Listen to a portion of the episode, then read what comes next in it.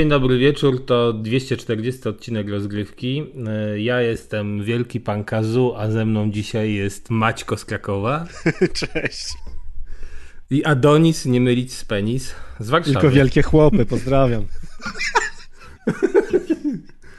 E, zaczynamy sobie standardowo, czyli trzeba przypomnieć o najważniejszych e, tutaj uroczystościach i jubileuszach z tego co widzę, to tytuł odcinka będzie jubileusz i tak sam zacząłem się zastanawiać, na czym on ma polegać. Czy będą jakieś konkursy, jak to ma wyglądać, Maćku?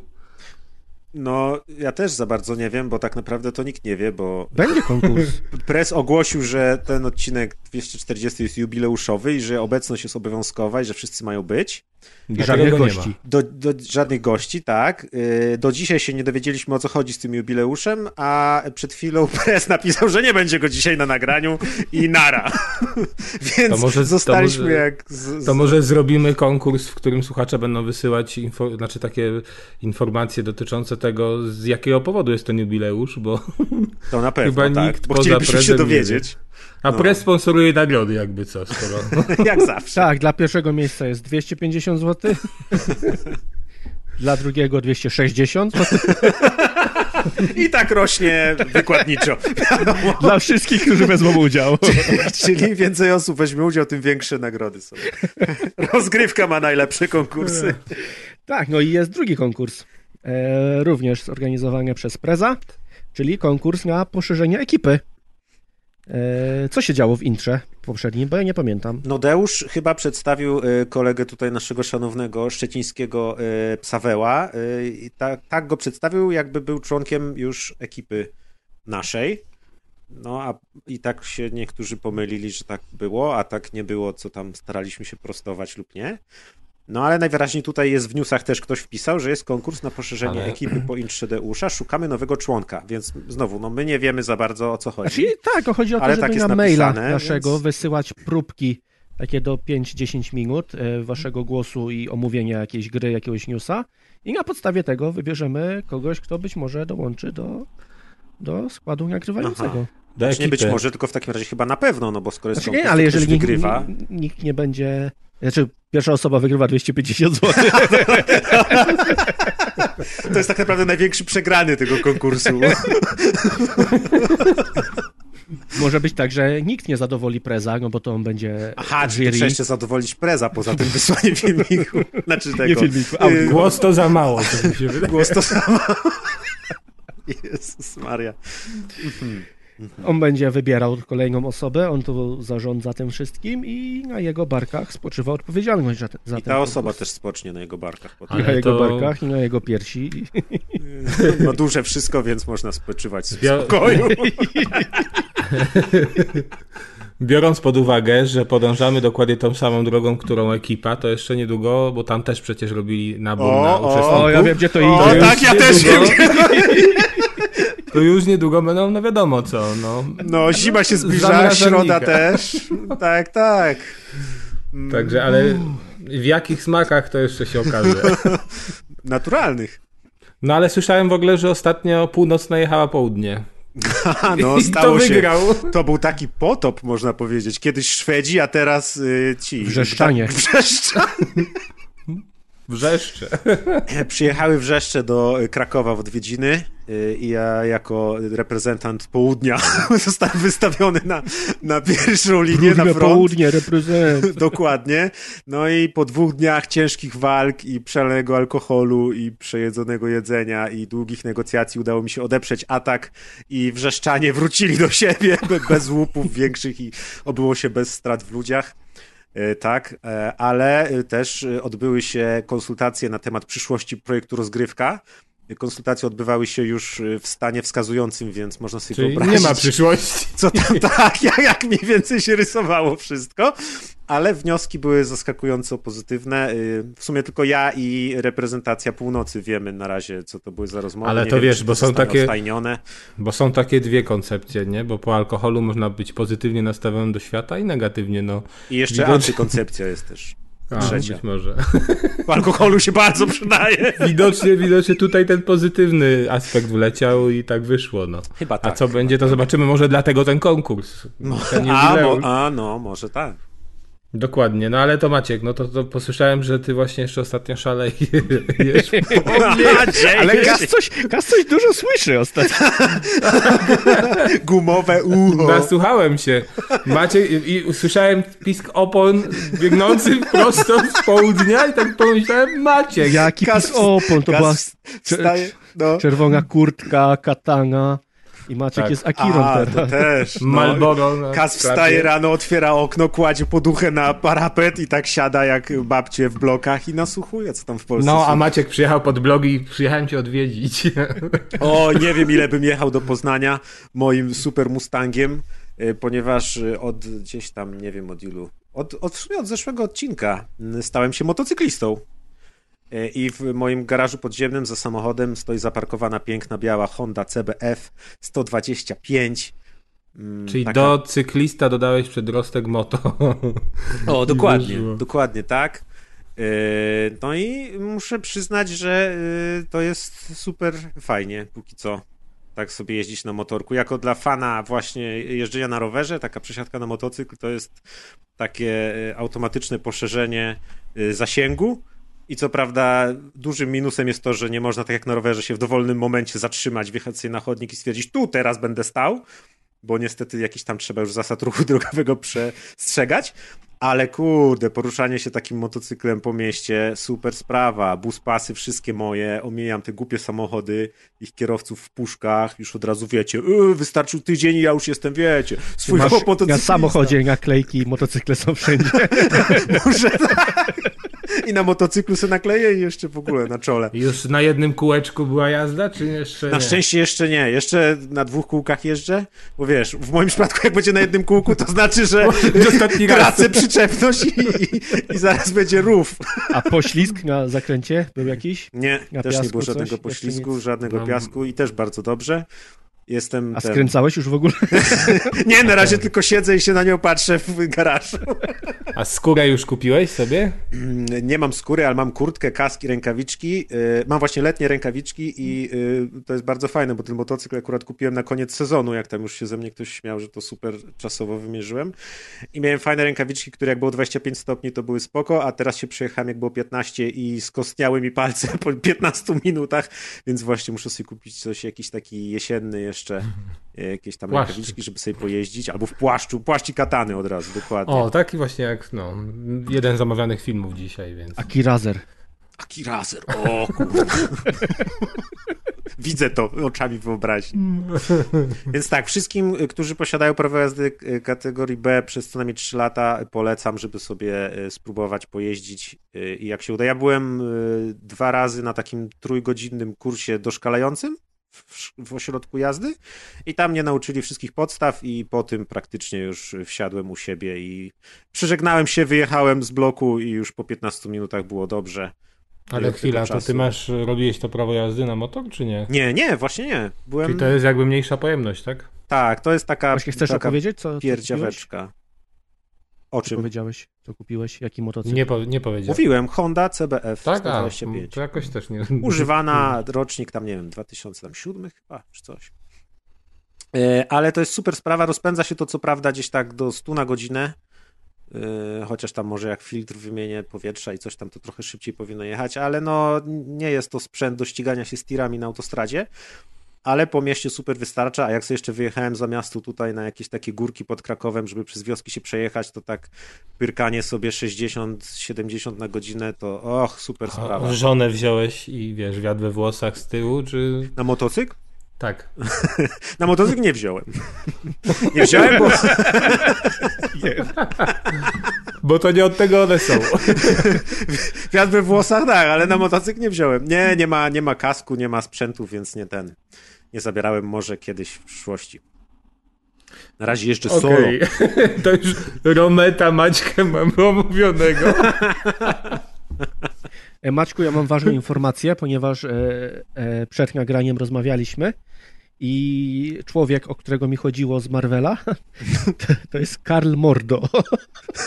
Mordo! Dlatego wiesz, że typ albo, albo coś. Tak, Okej. Okay. Tak. To jest bardzo ważna informacja, drodzy słuchacze. Cieszę się, że się ją podzieliłeś. To po polsku ma nazwisko. Karl Mordo. Mówią do niego Mordo i on to uwielbia. Szlachcic taki z Polski pewnie. O Boże. A co tam, okay. Adek, u ciebie?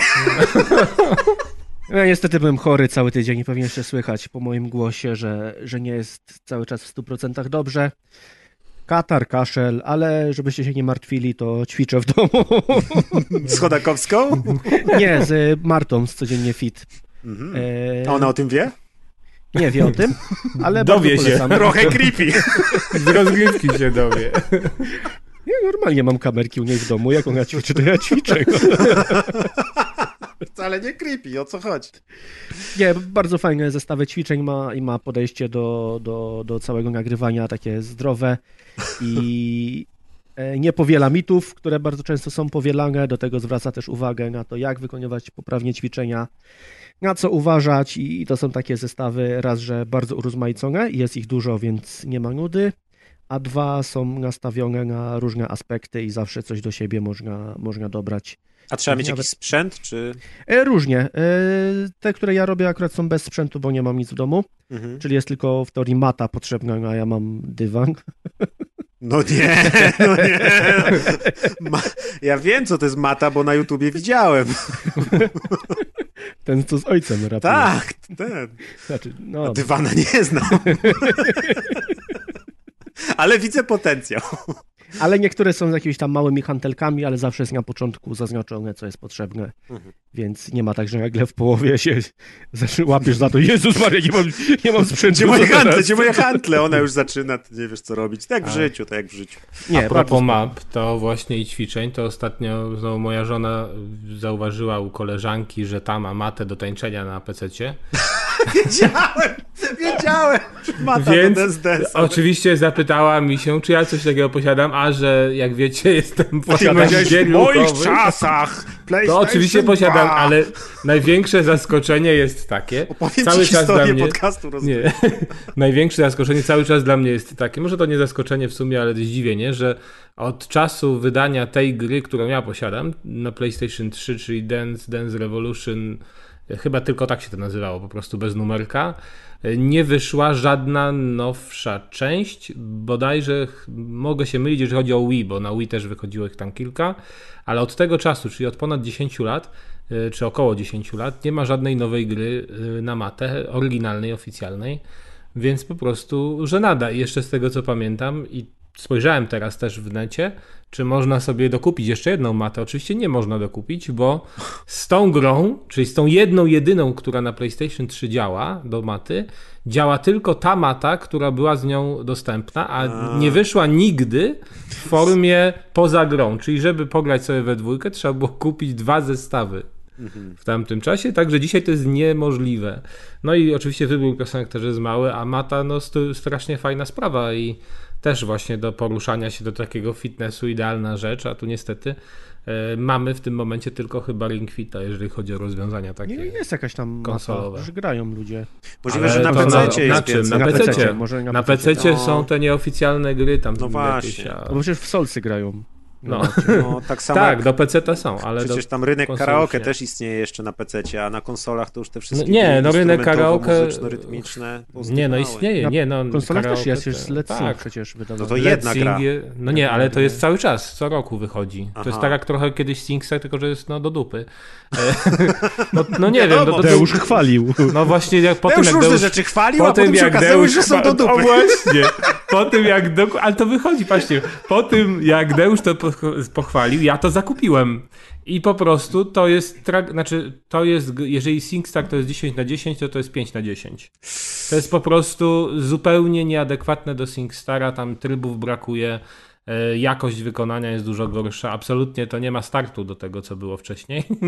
niestety, a chciałbym, ale niestety nie ma. A co do gier takich ruchowych, to są jeszcze te wszystkie jazz dance'y na, przynajmniej na Switcha, to one no też są jeszcze zumby, jest boxing, e, tak, tak. fitness. Tak, ale a, tylko że to są właśnie takie gry na zasadzie poruszania się no już bez żadnej takiego urządzenia, nie? Typu mhm. mata.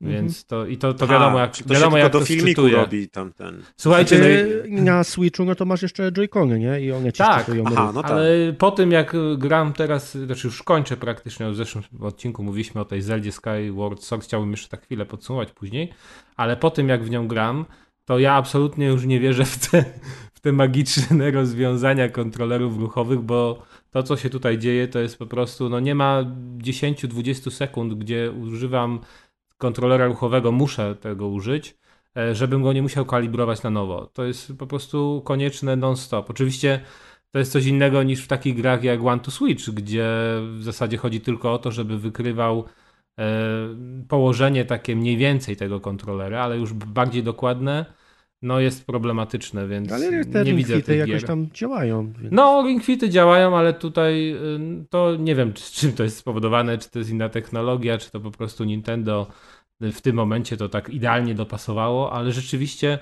y, wydaje się, że to działa. No, nigdy tak aż tak nie testowałem, żeby być dokładnym, ale wydaje się, że działa. Kiedyś było takie rozwiązanie bardzo fajne, które dobrze działało, i to taka piękna firma jak jej wydawała, nie? To było chyba jej Sports Active i tam były takie czujniki i one faktycznie, no moim zdaniem całkiem nieźle sobie radziły. E, a tutaj hmm, może być różnie, jeżeli chodzi o takie zumby czy o jazz dance. Zresztą jak patrzyłem na jazz dance, bo też mam tę grę, to, to oczywiście wiecie, nie, że jeżeli ktoś chce, to tak naprawdę może siedzieć i ruszać jedną ręką. No czy tak, tam, ale te, te gry trochę operują na tym, że gracz musi chcieć się wciągnąć. Tak, tak, jasne. No. Udawać, że, że gra w to. Na przykład z matą już tego nie miałeś, nie? bo tam już musiałeś jednak walić ostro w te strzałeczki. No, więc... może dlatego zrezygnowano. Mm, do... No pewnie tak, niestety. Mnie cały czas dziwi, że, że na Switcha nie ma jakiejś wersji Beat Sabera. Nawet jakiegoś klona, cokolwiek, co, co mogłoby te, te ruchy Beat Saberowe odwzorować. Dla mnie to jest tak dziwne, że mamy tę technologię właśnie niby tak zaawansowaną i tyle, taką dostępność do gier, a jednak pewne gatunki czy, czy pewne typy zabawy się nie przetrwały do dzisiejszych Ale czasów. To też, a Switch ma bardzo, a Switch ma, bo, bo Switch ma dokładną ten, ten, ten rumble, czyli te wibracje ma takie mhm, super dokładne, tak. ale czy sczytywanie mhm. położenia też ma takie dokładne? Właśnie znaczy, nie. Wydaje mi się właśnie, że tu jest problem tego, że nie ma tego punktu orientacyjnego, bo w przypadku Wii no, był ten punkt orientacyjny, była no tak był ten tak, taki, nie wiem jak to się nazywało, ale ten to sensor był taki. Ten sensor, tak, dokładnie, który był pod telewizorem czy nad telewizorem i on naprawdę nieźle sobie radził. Właśnie, a... więc na tym sensorze to jeszcze może by wyszły takie gry jak Beat Saber czy, czy coś, a tutaj to jest jednak zbyt mała dokładność, a szkoda, bo rzeczywiście jakby to jest potencjalnie y, też jakiś sposób na jakąś mechanikę w grach, gdzie wykorzystujesz ten kontroler właśnie do balansowania czy do bezpośredniego Już takie gry jak, ten, jak Medward, który był na Wii, już to były mm -hmm. cudowne rzeczy. Mm. Ale właśnie też na VR się duża część tych gier ruchowych przyniosła. Racja, tak. No tak. tak. Przy czym na VR to jednak w tych goglach człowiek się szybciej poci w tych, mm -hmm. w tych grach i to jest takie Z już panią Martą też się szybko poci. Na pewno. Pot ci na oczy leci, to szczypie, ty płaczesz, przestajesz być męski, pani Marta wychodzi. To jest... Nie, nie, nie. A skoro o spoconych facetach mowa, to będziemy coś mówić o kodzie? Wow! Piękne przejście. No tak, Beta Vanguard była. Kto Aha. grał? Nie wiem, może FBI, które wchodzi do Activision. Widzę, że bitwa na Segwaye dzisiaj będzie. A może to jakiś jubileusz był z kodem związany? Kto wie. Albo rozdawali kody na jubileusz. No. Czyli ogólnie nie wiemy, o co chodzi z betą Vanguarda. Trudno. Jest i tyle. Tak, był, Informujemy. Była, była wielka mi rzecz. No to jedziemy dalej. Do ciekawszych Mam... newsów, proszę bardzo. W Call of Duty często były klimaty, zdarzały się klimaty science fiction, podobnie jak w naszej kolejnej grze, która miejmy nadzieję, że wyjdzie, tak? Czy już to jest pewne, czy to jest Wyjdzie, tak, wyjdzie? gra wyjdzie. Mowa o e, papierowej edycji Blade Runnera, czyli RPG-u stołowym, takim, gdzie, gdzie siedzi się przy stole i, i gra się w wyobraźni i rzuca się kostkami. Ale to będzie e, książka, tak? Jakiś podręcznik? Tak, tak, podręcznik czy... zostanie wydany. Zostanie wydany przez e, firmę, która wydała m.in. Aliena, która wydała Tales from the Loop, i, i, i jeszcze kilka innych rzeczy wydali, więc zapowiada się, że, że będzie to porządnie zrobione, no bo to są jednak takie systemy, które nie były zrobione na odwal. E, Morkborga też ta, ta firma zrobiła, Free League Publishing, więc to są takie systemy, które raz, w które dobrze się gra, a dwa, które nie są jakimiś takimi super hardkorowymi rzeczami. One są też bardzo ładnie wydane zawsze, nie? I są ładnie wydane i, i są też wydawane w Polsce, więc jest szansa, że, że być może kiedyś ta gra trafi do Polski. E, próbuję sobie przypomnieć, czy została podana data premiery, ale chyba nie było. Dopiero w 2022 zostanie to wydane. Ja się cieszę, bo ja się wkręciłem na nowo w RPG. Gramy regularnie, gramy przez sieć, gramy na żywo, kolejne sesje się kroją, więc cieszą mnie kolejne podręczniki. Z jednej strony one nie są potrzebne, no bo jednak świat Blade Runnera jest e, na tyle do, do, do, do ogarnięcia już po filmach, że tak naprawdę można wziąć dowolną mechanikę i, i w tego Blade Runnera zagrać. No, zresztą są nawet darmowe mechaniki do, do, do, do systemów takich, do settingów, jakie, jakie sobie sami wybierzemy. E, no ale jednak tutaj mamy wszystko w jednej książce, już jakieś zebranie, ten zbiór zasad, ładnie wydane i zawsze to chociażby na półce ładnie wygląda.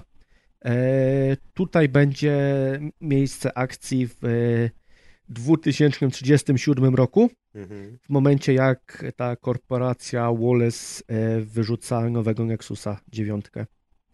To jest tam 12 lat przed tym drugim filmem, który był. Mhm. O, to nie wiedziałem na ile. Film był w 2049. Tak, A no tak, faktycznie, kurwa. Jubileusz. Jubileusz, tak. A my będziemy członkiem tej organizacji do wykrywania replikantów. Ale no jak to w papierowych RPGach, no Można być nawet śmieciarzem. Tak. Tylko... Czasem najlepiej być śmieciarzem. On ma spokój, tylko te śmieci wozi, nikt go nie zabije raczej. No właśnie. Nie? Tak, i to tyle. Fajno. E, Okej, okay, no to konkurs mam już omówiony, tak, bo widzę, że tak. kolejny newsy Przysyłajcie MP3 na maila, Press to wybierze, przejrzy i... E, Press mówił, że da feedback do każdego. Indywidualnie oddzwoni i porozmawia, da jakąś radę branżową. Wskazówki tak zwane.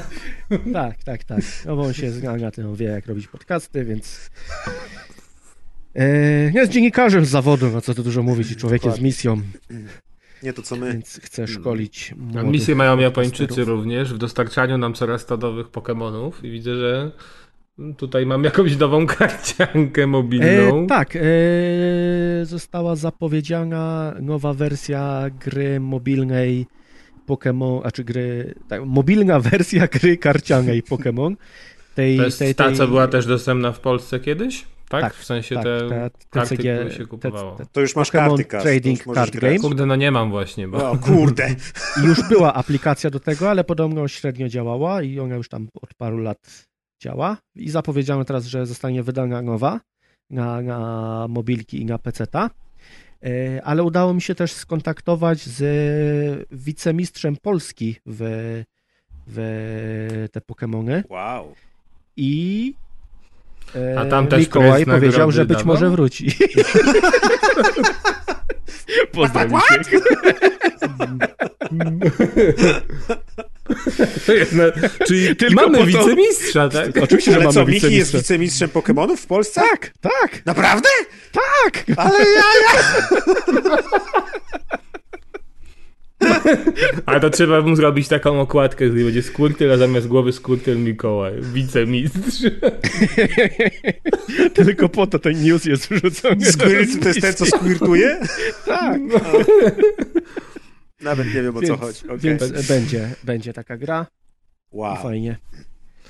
Cieszymy się. No to jedziemy teraz do giereczek, które już wyszły i które istnieją, albo które mają wyjść, a tylko wyszła ich wstępna wersja. Dokładnie tak. Zaczynamy. Nie wiem, nie wiem, co to za gra, więc Atku musisz powiedzieć nam, a ja muszę sobie zobaczyć zaraz na screenach. A zobacz sobie, bo może cię zainteresuje. Gra, która się nazywa... A lubisz Bobrykas? Timberborn. A kto nie lubi?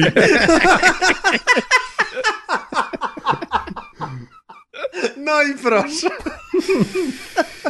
Takiego intra się nie spodziewałem, ale to jest bardzo dobre pytanie. Bo to jest właśnie gra o bobrach.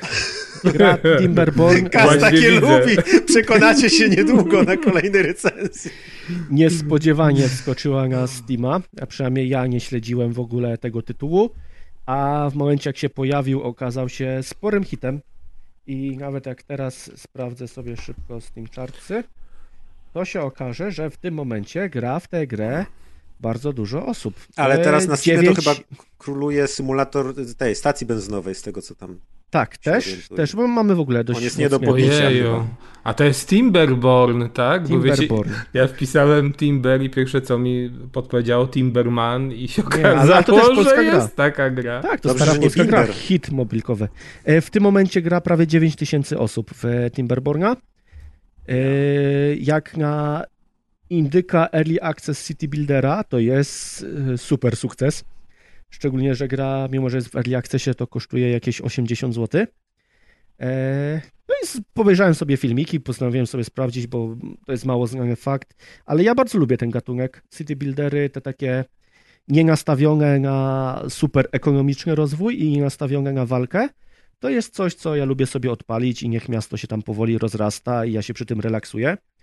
I tutaj było tak, że odpaliłem grę i uznałem, jest, sprawdzę jak działa e, refundowanie na Steamie. No bo wiecie go, 8 dych, no. no, no to było 8 dych, piechotą nie chodzi. Recenzja gry.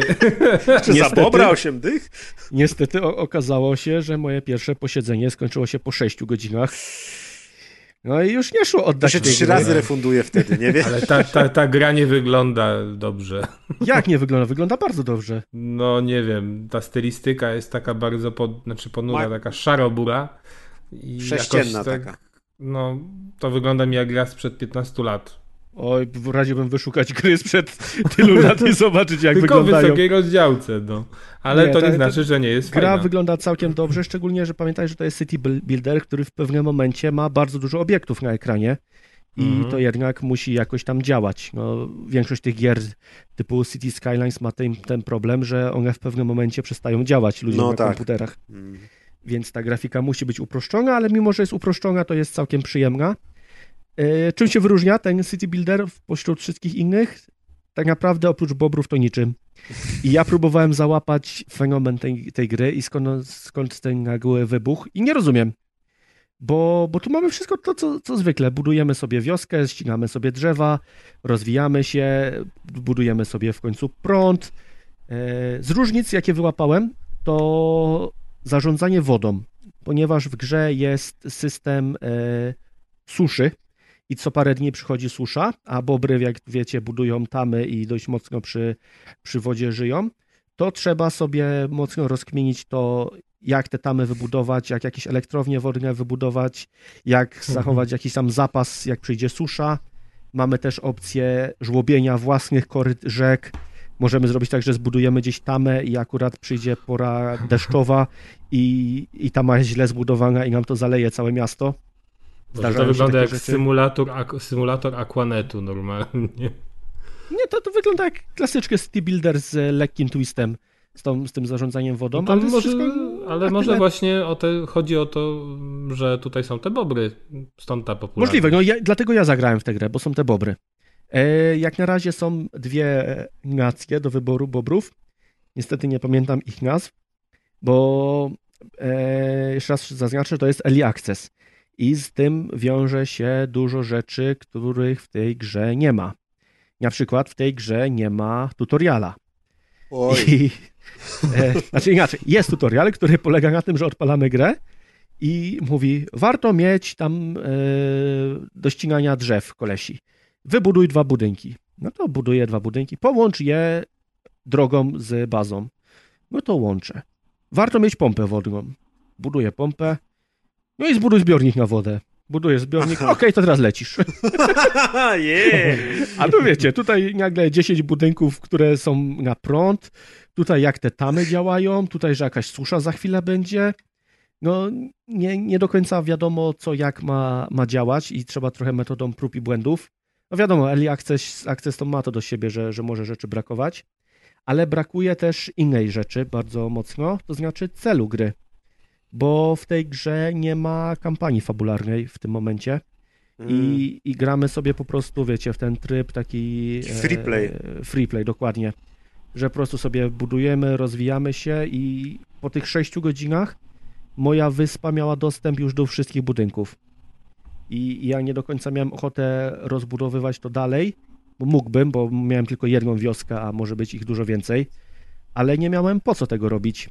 E, później zagrałem sobie tak, że. Bo ja lubię dodawać sobie fabułę samemu do gier. I jak chciałem zbierać metal, to metal nie jest przy rzece, więc musiałem dodatkową osadę wybudować. Nazwałem ją sobie kolonią karną. Do niej wysyłałem tylko stare bobry, które za chwilę miały umierać. Adek lubi sobie fabułę dodawać do gier. Później odkryłem, że jak wysyłam tylko stare bobry, no to one szybko umierają i tam często jest przestój. To, więc może napisz jeszcze... do nich, zaproponuj im, że napiszesz bobry. im fabułę. Zacząłem jeszcze dzieci wysyłać i wtedy te dzieci dorastają w kolonii karnej, od razu sobie idą zbierać wow. metal i wysyłają ten metal do, do głównej wioski. Miałem też taką wioskę poboczną, która służyła tylko do tego, żeby rozmnażać bobry, bo, bo w głównym mieście miałem za mało miejsca i one nie chciały się rozmnażać, więc wysyłałem je obok, one tam się rozmnażały, wysyłałem je do głównego miasta. To też sobie działało. E, I to jest jedna, jedna z, z nacji. To są takie klasyczne bobry właśnie, które muszą się rozmnażać, które są nastawione na wodę, na naturę i, i tego typu rzeczy. Jest jeszcze druga nacja takich bobrów, które są nastawione na metal. Przynajmniej z opisu. I co więcej, żeby nimi zagrać, trzeba najpierw ich odblokować, czyli trzeba w podstawowej nacji zdobyć tam 8 punktów szczęścia, że tak powiem. Czyli w 8 kategoriach zdobyć e, zadowolenie bobrów. To jest tam wiedza, technologia, pożywienie i tak dalej. Wiecie, zupełnie klasyczne sprawy. Odblokowałem sobie tych bobrów, odpaliłem i się okazało, że oni mają, nie wiem, trzy nowe budynki, i główna różnica jest taka, że same się nie rozmnażają, tylko trzeba takie beczki stawiać i one, i one w tych beczkach. Jezus Miałem też kilka problemów, jak to, że przez to, że nie ma tutoriala. E, aha, bo tutorial się kończy słowami, że warto wybudować gospodarstwo do zbierania żywności, a chwilę wcześniej buduje się taki domek do bobrów, które zbierają jagódki. I no ja przeczytałem o tym gospodarstwie, te sobie zbierają jagódki, przyspieszyłem czas jagódki się skończyły, skończyło się jedzenie i wszystkie bobry zaczęły wymierać. Ja szybko zasadziłem e, ziemniory, wbudowałem to gospodarstwo, ale niestety ziemniory tyle rosły, że, że marchewki, bo marchewki szybciej rosną, e, rosły tyle, że dokładnie w momencie jak wyrosły marchewki, ostatnie bobry mi umarły. Boże. I musiałem niestety zaczynać na nowo. Ale kurczę, dobrze się bawiłem z tą grą, przy czym nie kupowałbym jej w Early Accessie bo 80 zł za to, co jest dostępne teraz, to tylko jeżeli chcecie wesprzeć twórców, żeby grę rozwijali, ale jeżeli liczycie, że pogracie sobie i już nigdy więcej do tego tytułu nie wrócicie, to lepiej zaczekać na pełną wersję. Na pewno jest to przyjemna gra i jeżeli już wam się znudziły wszystkie Anglo Settlersy i, i jakie jeszcze są gry tego typu, to warto sprawdzić, szczególnie, że jest trochę łatwiejsza niż na przykład Banished, który jest bardzo hardkorowy i, i, i... Właśnie to w Banisz też miałem taką zimę, że mi wszyscy zmarli. To było traumatyczne takie. I właśnie mi w Banisz brakowało jakiegoś takiego trybu dla lamusów, a tutaj są poziomy trudności, więc od razu można sobie wybrać i ustawić wszystko tak, żeby, żeby grać i czerpać z tego radość. Przy czym nadal nie jest super łatwo, bo jak źle się rozplanuje te rzeczy, to może się okazać, że nie mamy drewna, już drzewa nie rosną i nie mamy jak się rozwijać dalej i, i trzeba o tym pomyśleć. A ja przy okazji mam prośbę do słuchaczy, jeżeli znacie jakieś inne gry tego typu, typu które warto zagrać, ale które są właśnie city builderami dla lamusów, to też podsyłajcie propozycje, bo jak mówiłem, te gry mnie relaksują. I tyle od Timberborna. To jest polska gra z Trójmiasta. Eee, sprawdźcie sobie, no, nawet dla, dla E, samego refunda można sprawdzić, bo przez te dwie godziny nic więcej w tej grze już nie będzie niż przez te pierwsze dwie godziny. Od razu zobaczycie, zobaczycie wszystko, co jest i jak was kupi, no to kupi was od razu i będziecie grali tak jak ja kilka godzin z rzędu, a jak wam się nie spodoba, no to, to elo i zwracamy. Tyle ode mnie. No ja i trochę droga jest, no bo te 8-9 dych to, to jednak dużo jak za indyka, co to... też zwiastuje, że pewnie w pełnej wersji będzie 120. A jak recenzja refund? Słucham? No bo mówiłeś, że będziesz recenzował jak się refunduje. No, A, no, no, nie wyszło. Nie, nie, mogę, bo do dwóch godzin tylko można. A, Zagapił się. A, gra, gra jest też po polsku, w sensie ma napisy po polsku. Co też byłem w szoku, ale jeszcze wtedy nie wiedziałem, że to jest polska gra. wow. No to dobra, to w takim razie teraz sobie zapolujemy. Na Bobra? Niekoniecznie. E, chciałem wam dzisiaj przedstawić dzisiaj przedstawić taką giereczkę bardzo ładnie brzmiącą. Nazywa się My Summer Sweetheart. Wyszła na Switcha. To jest w ogóle bardzo ciekawy tytuł. Ja słyszałem o nim już wcześniej, ale akurat był, niedawno była promocja, a że jednak 70 parę złotych piechotą nie chodzi, więc wolałem e, tak za połowę tej ceny i rzeczywiście udało się, więc mam. E, to jest gra bardzo bogata w content, e, na co wskazuje chociażby to, że zajmuje jakieś 12 czy 14 gigabajtów, co jak na gry na Switcha jest bardzo dużym osiągnięciem. E, a więc spodziewalibyście się rewelacyjnej grafiki i taką też dostaniecie, dlatego że większość tej gry to po prostu, znaczy może nie większość, część tej gry to są filmiki nagrane z prawdziwymi ludźmi. Czyli to jest fotorealizm. W końcu się to udało jest fotore... dokładnie, dokładnie. E, to, co się udało dawniej na serdze Mega CD, a nie udawało się przez kolejne lata, teraz w końcu Switch pokazał, powraca ze zdwojoną siłą. Tak, tak. Dokładnie. Tak, jestem przekonany, że tak e, dobrze wyglądających postaci nie ujrzycie w żadnej innej grze. E, przynajmniej takich, w takich blockbusterach, w takich blockbusterach. Ale e, o czym mowa? To jest w ogóle też bardzo ciekawe, bo ja kupując ten tytuł byłem przekonany, że to jest gra japońska i mówię, o, pogram sobie w kolejny twór z kraju kwitnącej wiśni, który po prostu aż krzyczał, że jest właśnie no, japońszczyzną. A tu się okazało, że mimo, że ta gra ma japoński dubbing, coś mi tu nie pasowało. E, miałem wrażenie, że po prostu mm, postacie, które do nas przemawiają z tych filmików, e, nie są, e, nie mają dobrze sko- nie mają dobrze ruchów ust odzwierciedlowych, tak? No. Tak, dobrego lipsynku. No i co, dlaczego? Okazało się, że tak naprawdę to jest gra z Chin, która została przetłumaczona na język japoński, a następnie przetłumaczona, nie wiem czy z japońskiego, czy z chińskiego, pewnie z japońskiego, na język angielski i tak trafiła do nas pod strzechy. E, I to strasznie widać. Przede wszystkim dlatego, że e, tłumaczenie jest no, absurdalne. Na przykład, y, bo jest taka strona, w której można sobie podpatrzeć, jak pewne kwestie w tej grze zostały przetłumaczone, i tam są zdjęcia i właśnie te podpisy. Często mamy tak, że jest filmik, to postać do nas mówi, często jest też tak, że mamy po prostu statyczne obrazki i czytamy napisy. I to, co się tam dzieje w tych napisach, to woła o pomstę do nieba, ale przez to jest super śmieszne. Na przykład jest jedna z bohaterek, bo tutaj mamy, to jest taki symulator randkowania, ona do nas podchodzi. E, no i mamy dwie opcje do wyboru i w zależności od tego, jaką opcję wybierzemy, tak dalsza część filmika się potoczy. No i na przykład e, mamy taką, mamy taką sytuację, że e, możemy, że tam nasza dziewczyna się, znaczy ta postać, która tam jest, się spociła i możemy na dwie rzeczy pozwolić. Albo, e, że mamy jej zetrzeć ten pot z czoła, albo, że po prostu tego nie robić. No i e, te opcje są takie. Let her sweat, to jest jedna opcja. A druga, że możemy jej powiedzieć, że ma rub yourself.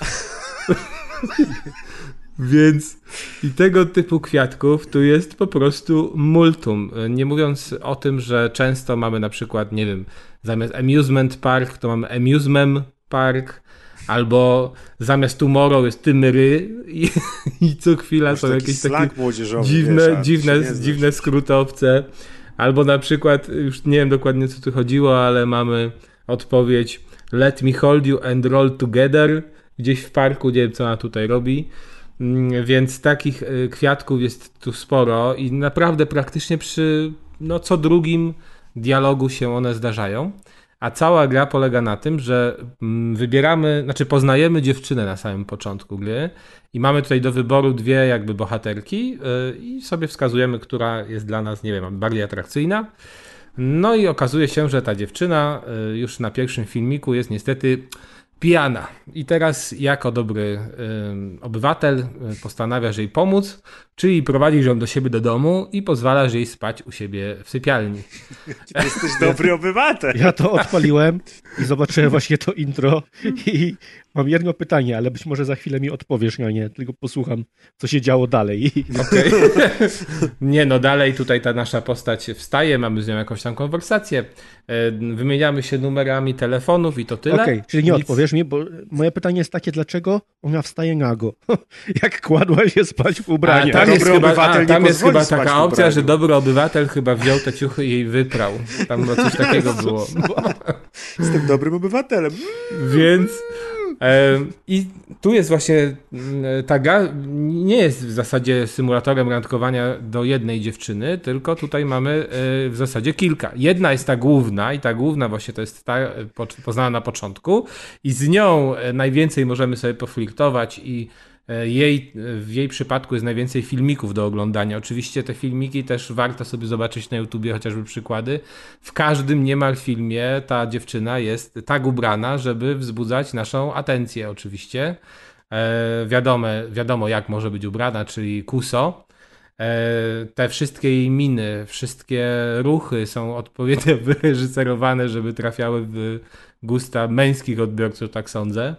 Mm, e, to jest jakby jedna dziewczyna, która jest tą główną, ale oprócz tego mamy jeszcze inne, które są takimi jakby pobocznymi, z którymi też możemy się umawiać, ale w ich przypadku akurat najczęściej niestety nagrodą będą tylko jakieś uśmiechnięte minki, statyczne pozy, fotografie, a nie filmy. Aczkolwiek zdarzają się też wyjątki, bo na przykład kiedy możemy, tutaj jest taki system zdobywania sukienek dla dziewczyn, czy kupowania sukienek dla dziewczyn, kiedy na przykład jakiejś dziewczynie kupimy sukienkę, to najczęściej dostajemy powiadomienie i możemy obejrzeć jak ona w tej sukience wygląda i to już jest film. E, sam schemat rozgrywki wygląda tak, że mamy menu e, i w menu ustalamy sobie grafik na cały dzień. No i możemy w danym dniu na przykład zadbać o naszą kulturę fizyczną, co też później ma plus, jeżeli chodzi o statystyki, bo powiększamy swoje statystyki, na przykład energię, czy na przykład y, to, czy jesteśmy kulturalni, czyli możemy się zapisać na jakieś lekcje pisania, czy możemy na przykład na lekcję malowania się zapisać. Wszystko to wygląda tak, że nasza postać jest jakby przedstawiona jako taka e, gra, grafika 3D, takie mm, styl chibi, czyli takie małe postacie e, pomniejszone jakby z japońskiego anime no i ona wykonuje na przykład to malowanie. To trwa powiedzmy dwie sekundy i to jest jeden filmik i automatycznie statystyki się podwyższają. Chyba, że jesteśmy zmęczeni, na to też trzeba zwracać uwagę, trzeba się wysypiać, no bo inaczej statystyki mogą pójść w dół lub jeżeli postać nie chce dzisiaj, nie chce, musi już się drugi raz czy trzeci raz z rzędu malować, to też statystyki mogą pójść w dół. Oprócz tego, że dbamy o siebie, dbamy o kulturę fizyczną, dbamy, o kulturę słowa, to jeszcze dbamy o relacje z kobietami, a więc możemy się przejść na spacer. A co się dzieje na spacerze w Chinach najczęściej? No spotykasz jakąś piękną niewiastę, która potrzebuje pomocy, a to spotykasz policjantkę, która cię łapie i bierze przypadkowo za złodzieja. Ty złodziejem nie jesteś, więc pomagasz jej znaleźć prawdziwego złodzieja. A to idziesz do baru na plaży, gdzie jest y, taka piękna barmanka, która nie wie jak drinki przyrządzać, więc ty jej pomagasz te drinki przy, przyrządzać. A to idziesz z dziewczyną, spotykacie psa i nagle ona marzy o adopcji, no więc musicie iść do sklepu i kupić przyrządy dla tego Typowy zwierzaka. Typowy dzień w Chinach po prostu. Typowy dzień w Chinach z Japonkami, znaczy ala z Japonkami, z Chinkami mówiącymi po japońsku. No i... Ale dlaczego one mówią po japońsku? No, co to było? Nad tym się nikt nie zastanawiał. Oprócz tego, że możemy. byś nie zrozumiał po prostu. Możemy na przykład zadzwonić do naszej dziewczyny. Ten telefon to niestety działa w ten sposób, że dzwonimy do konkretnej e, wybranki i umawiamy się po prostu na dany dzień, na, na jakąś randkę, na przykład na kręgle. I wtedy i wtedy yy, całość polega na tym, że musimy jeszcze za to zapłacić, czyli musimy zbierać pieniążki, a nasz yy, główny bohater, jego głównym, nie wiem, nie, nie wiadomo jakie są jego główne zajęcia, ale to jak zdobywa pieniądze, to roznosi ulotki w parku. Roznosi ulotki w mieście, na w centrum, na bogato. Z rekinem biznesu. Jest, jest bibliotekarzem na przykład, czy może zmywać naczynia gdzieś w jakimś barze. I tak zdobywamy kasę, zapraszamy dziewczyny na randki. No i e, oczywiście wszystko później jest oparte na wskaźnikach, czyli za, każde, za każdą pozytywną relację e, uzyskujemy jakieś plusy i ten poziom intymności z daną osobą się podnosi. Ja powiem szczerze, że e, jestem nieco zawiedziony, bo już gram w tę grę 4 godziny, a cały czas nie udało mi się ten, tego poziomu podnieść no, do granicy górnej z żadną osobą. Za mało kasy bo na niestety, ulotkach robisz. No. Ale no widocznie nie, nie, nie, radzę sobie za bardzo za mało na ulotkach i nie radzę sobie z randkowaniem, bo tam czasami masz opcję do wyboru i po prostu jeżeli źle wybierzesz, a wiadomo, że przy tym tłumaczeniu, które jest kulawe, czasem ciężko wybrać coś dobrego. Przez tłumaczenie, tak. Więc wybierasz coś negatywnego i automatycznie ten poziom zażyłości z tą postacią się zmniejsza. Tak, lub na przykład są takie, są takie minigry, jak chyba tam było ugniatanie ciasta i to ugniatanie ciasta polega na tym, że klikasz jeden przycisk i po prostu musisz mniej więcej się wstrzelić. W 3 sekundy on musi dojść do jakiejś granicy w pułap e, wody, która narasta i jeżeli dojdzie do linii, która jest pokazana na ekranie i tak akurat się utrzyma w tych proporcjach, to masz dużą szansę na powiększenie, e, na polepszenie relacji z daną osobą. E, także w ogóle to jest kolejny hit, że e, ta gra została e, dodatkowo jeszcze okraszona muzyką, która, z którą zarąbała z innej gry. Więc. Co? Jest taka, była taka głośna sprawa, że ten właśnie Dating Sim uzy, używa muzyki z produkcji Nihon Falcom, czyli um, twórców między innymi serii Is. No i tłumaczenie, tłumaczenie gości od Summer Sweetheart jest takie, że oni już tutaj zaraz a, wystawili, znaczy przedstawili takie ubolewanie z tego względu, no i że źle zrozumieli e, licencję, bo tam bodaj w licencji było napisane, to że... Trochę jak my. Tak, że... że można używać ich utworów, ale tylko dla niekomercyjnych zastosowań. Więc... Ale ja się nie dziwię, że oni nie zrozumieli, skoro i gra jest tak napisana, że nam ciężko, że pewnie, pewnie mi jako Polakowi, który sobie tłumaczy z angielskiego na polski, jest łatwiej niż Anglikowi wymyślić o co tam chodzi w tej ich grze z e, Chin z japońskimi dialogami. Więc naprawdę zarąbisty tytuł, ale ma pewno, to jest właśnie ciekawe, że mimo tego, że to jest generalnie bekowa gra e, i fajnie, że coś takiego wyszło, bo można zobaczyć, jaka jest no, wrażliwość w innych rejonach świata, ale e, to jest nawet, nie, nie wiem dlaczego, nie, nie umiem tego powiedzieć, e, z czego to wynika, ale to jest bardzo relaksujący tytuł. Ta muzyczka jest dobra. Trudno nie wiem, czy powiedzieć, zmieni... z czego to wynika. Ja myślę, że słuchacze powinni wyszukać tak, sobie teraz. Zdjęcia na Google sobie zobaczyć. Nie wiem, czy to wynika z tego, że, to, że te, znaczy, czy ta muzyka jest już zmieniona, czy nie. E, ale e, to jest taki relaksujący tytuł. Na zasadzie masz pół godziny przed snem i włączasz sobie My Summer Sweet, tak? Pam, ci, ci, pam, pam. Porobisz sobie, co tam trzeba. A, a w ogóle jeszcze... na, na przykład, czy dla młodszych graczy oni wyciągną jakąś taką lekcję, która im pomoże w życiu, jakby w tej, z tej gry, czy nie bardzo?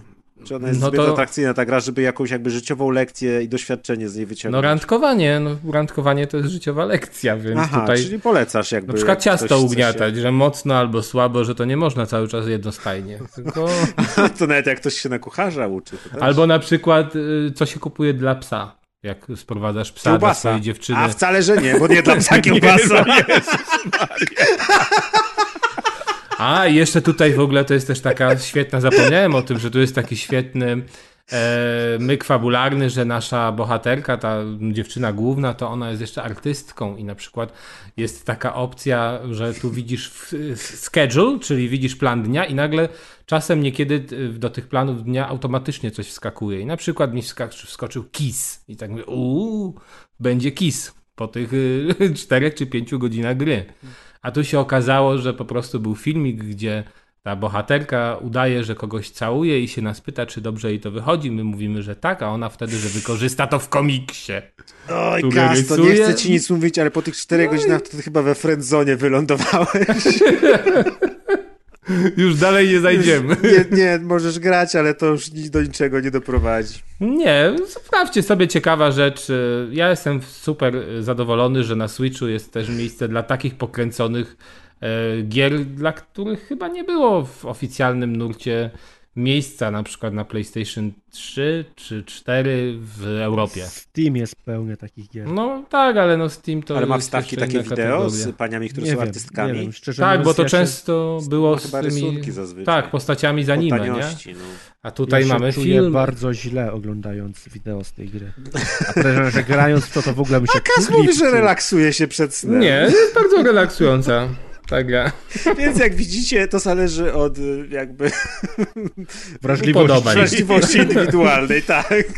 Bo ja odpaliłem tutaj, pani jest przebrana za kota i, i główny bohater ma pretensje, że ona go podrapała, a ona odpowiada miał. I no widzisz. Czyli nauczyłeś się czegoś.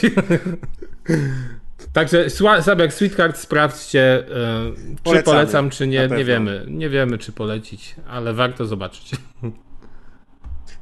Co mamy dalej na wokandzie? Dalej jest The Artful Escape.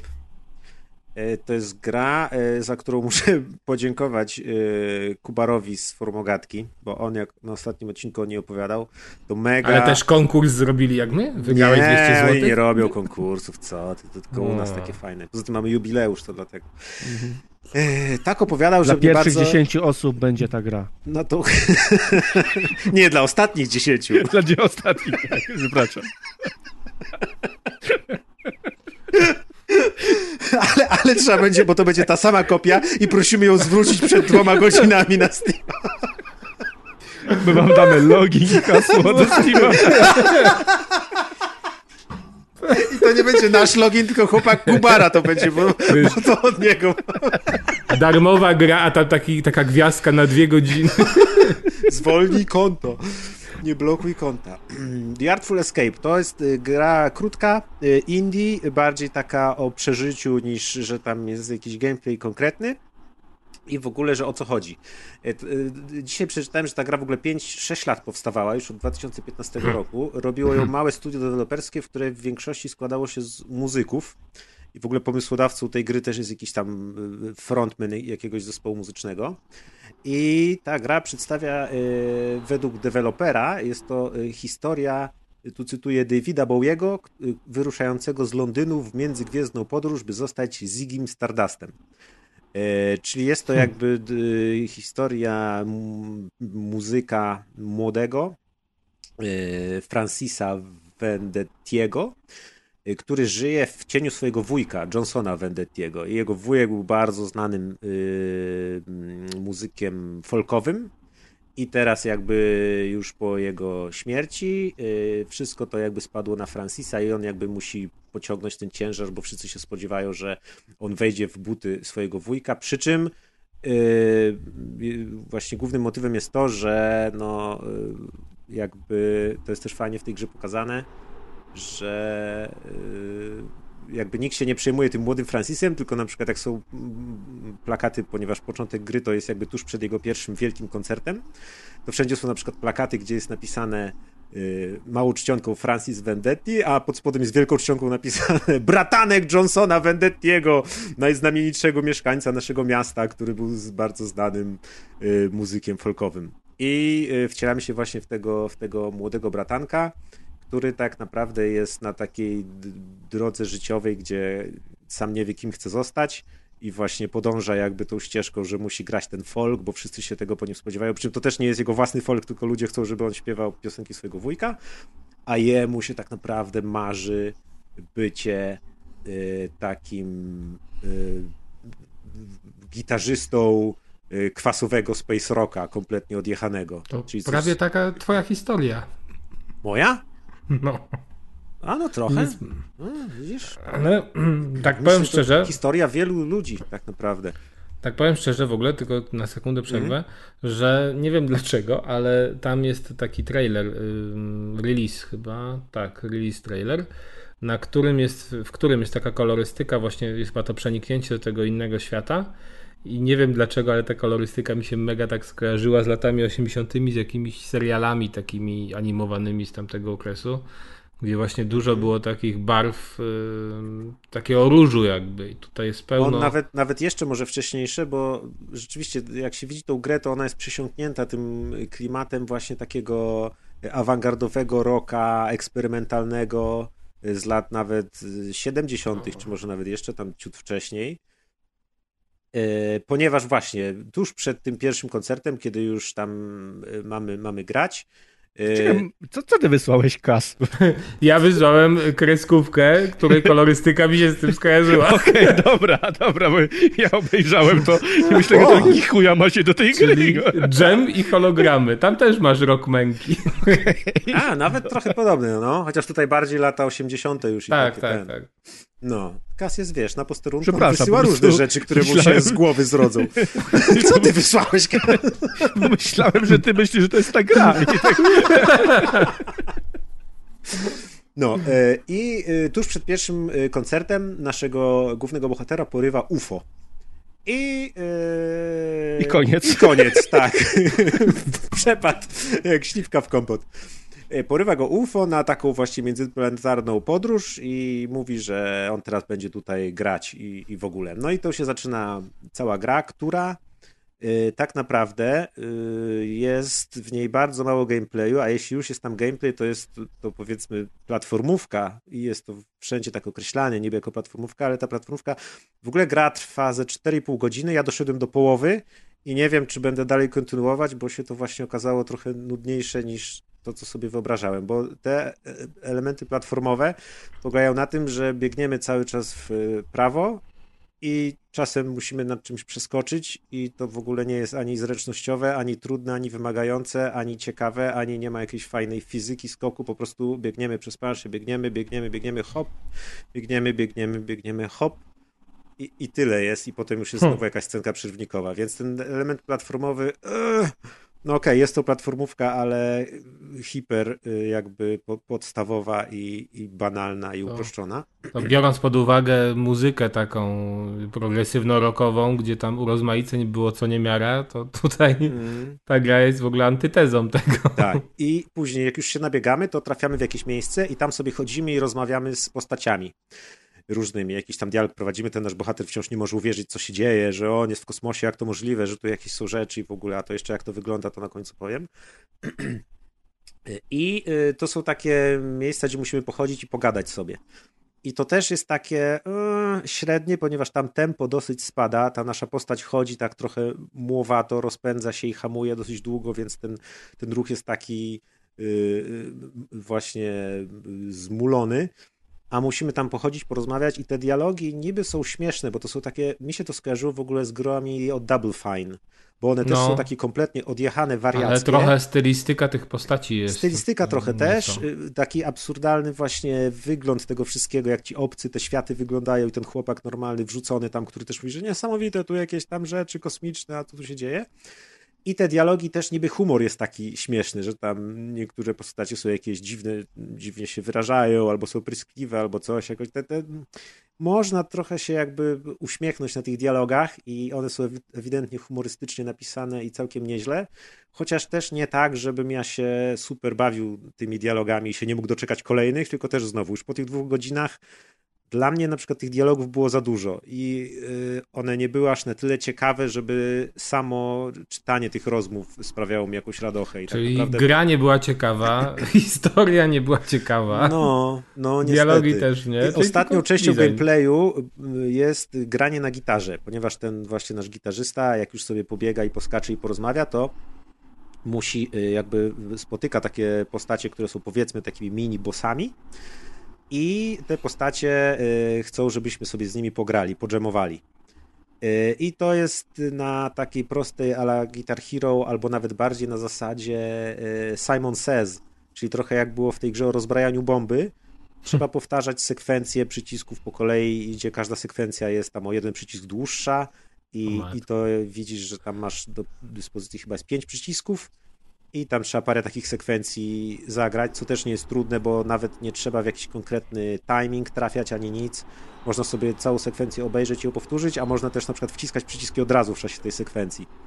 No, e, brzmi zachęcająco, powiem. No, więc właśnie, więc wszystko to, co e, jest sednem gameplayu, niestety no, jest słabe. Też je, je, ostatnią fajną rzeczą gameplayową jest to, że biegnąc przez te elementy platformowe, możemy sobie w dowolnym momencie wcisnąć przycisk odpowiadający za granie na gitarze.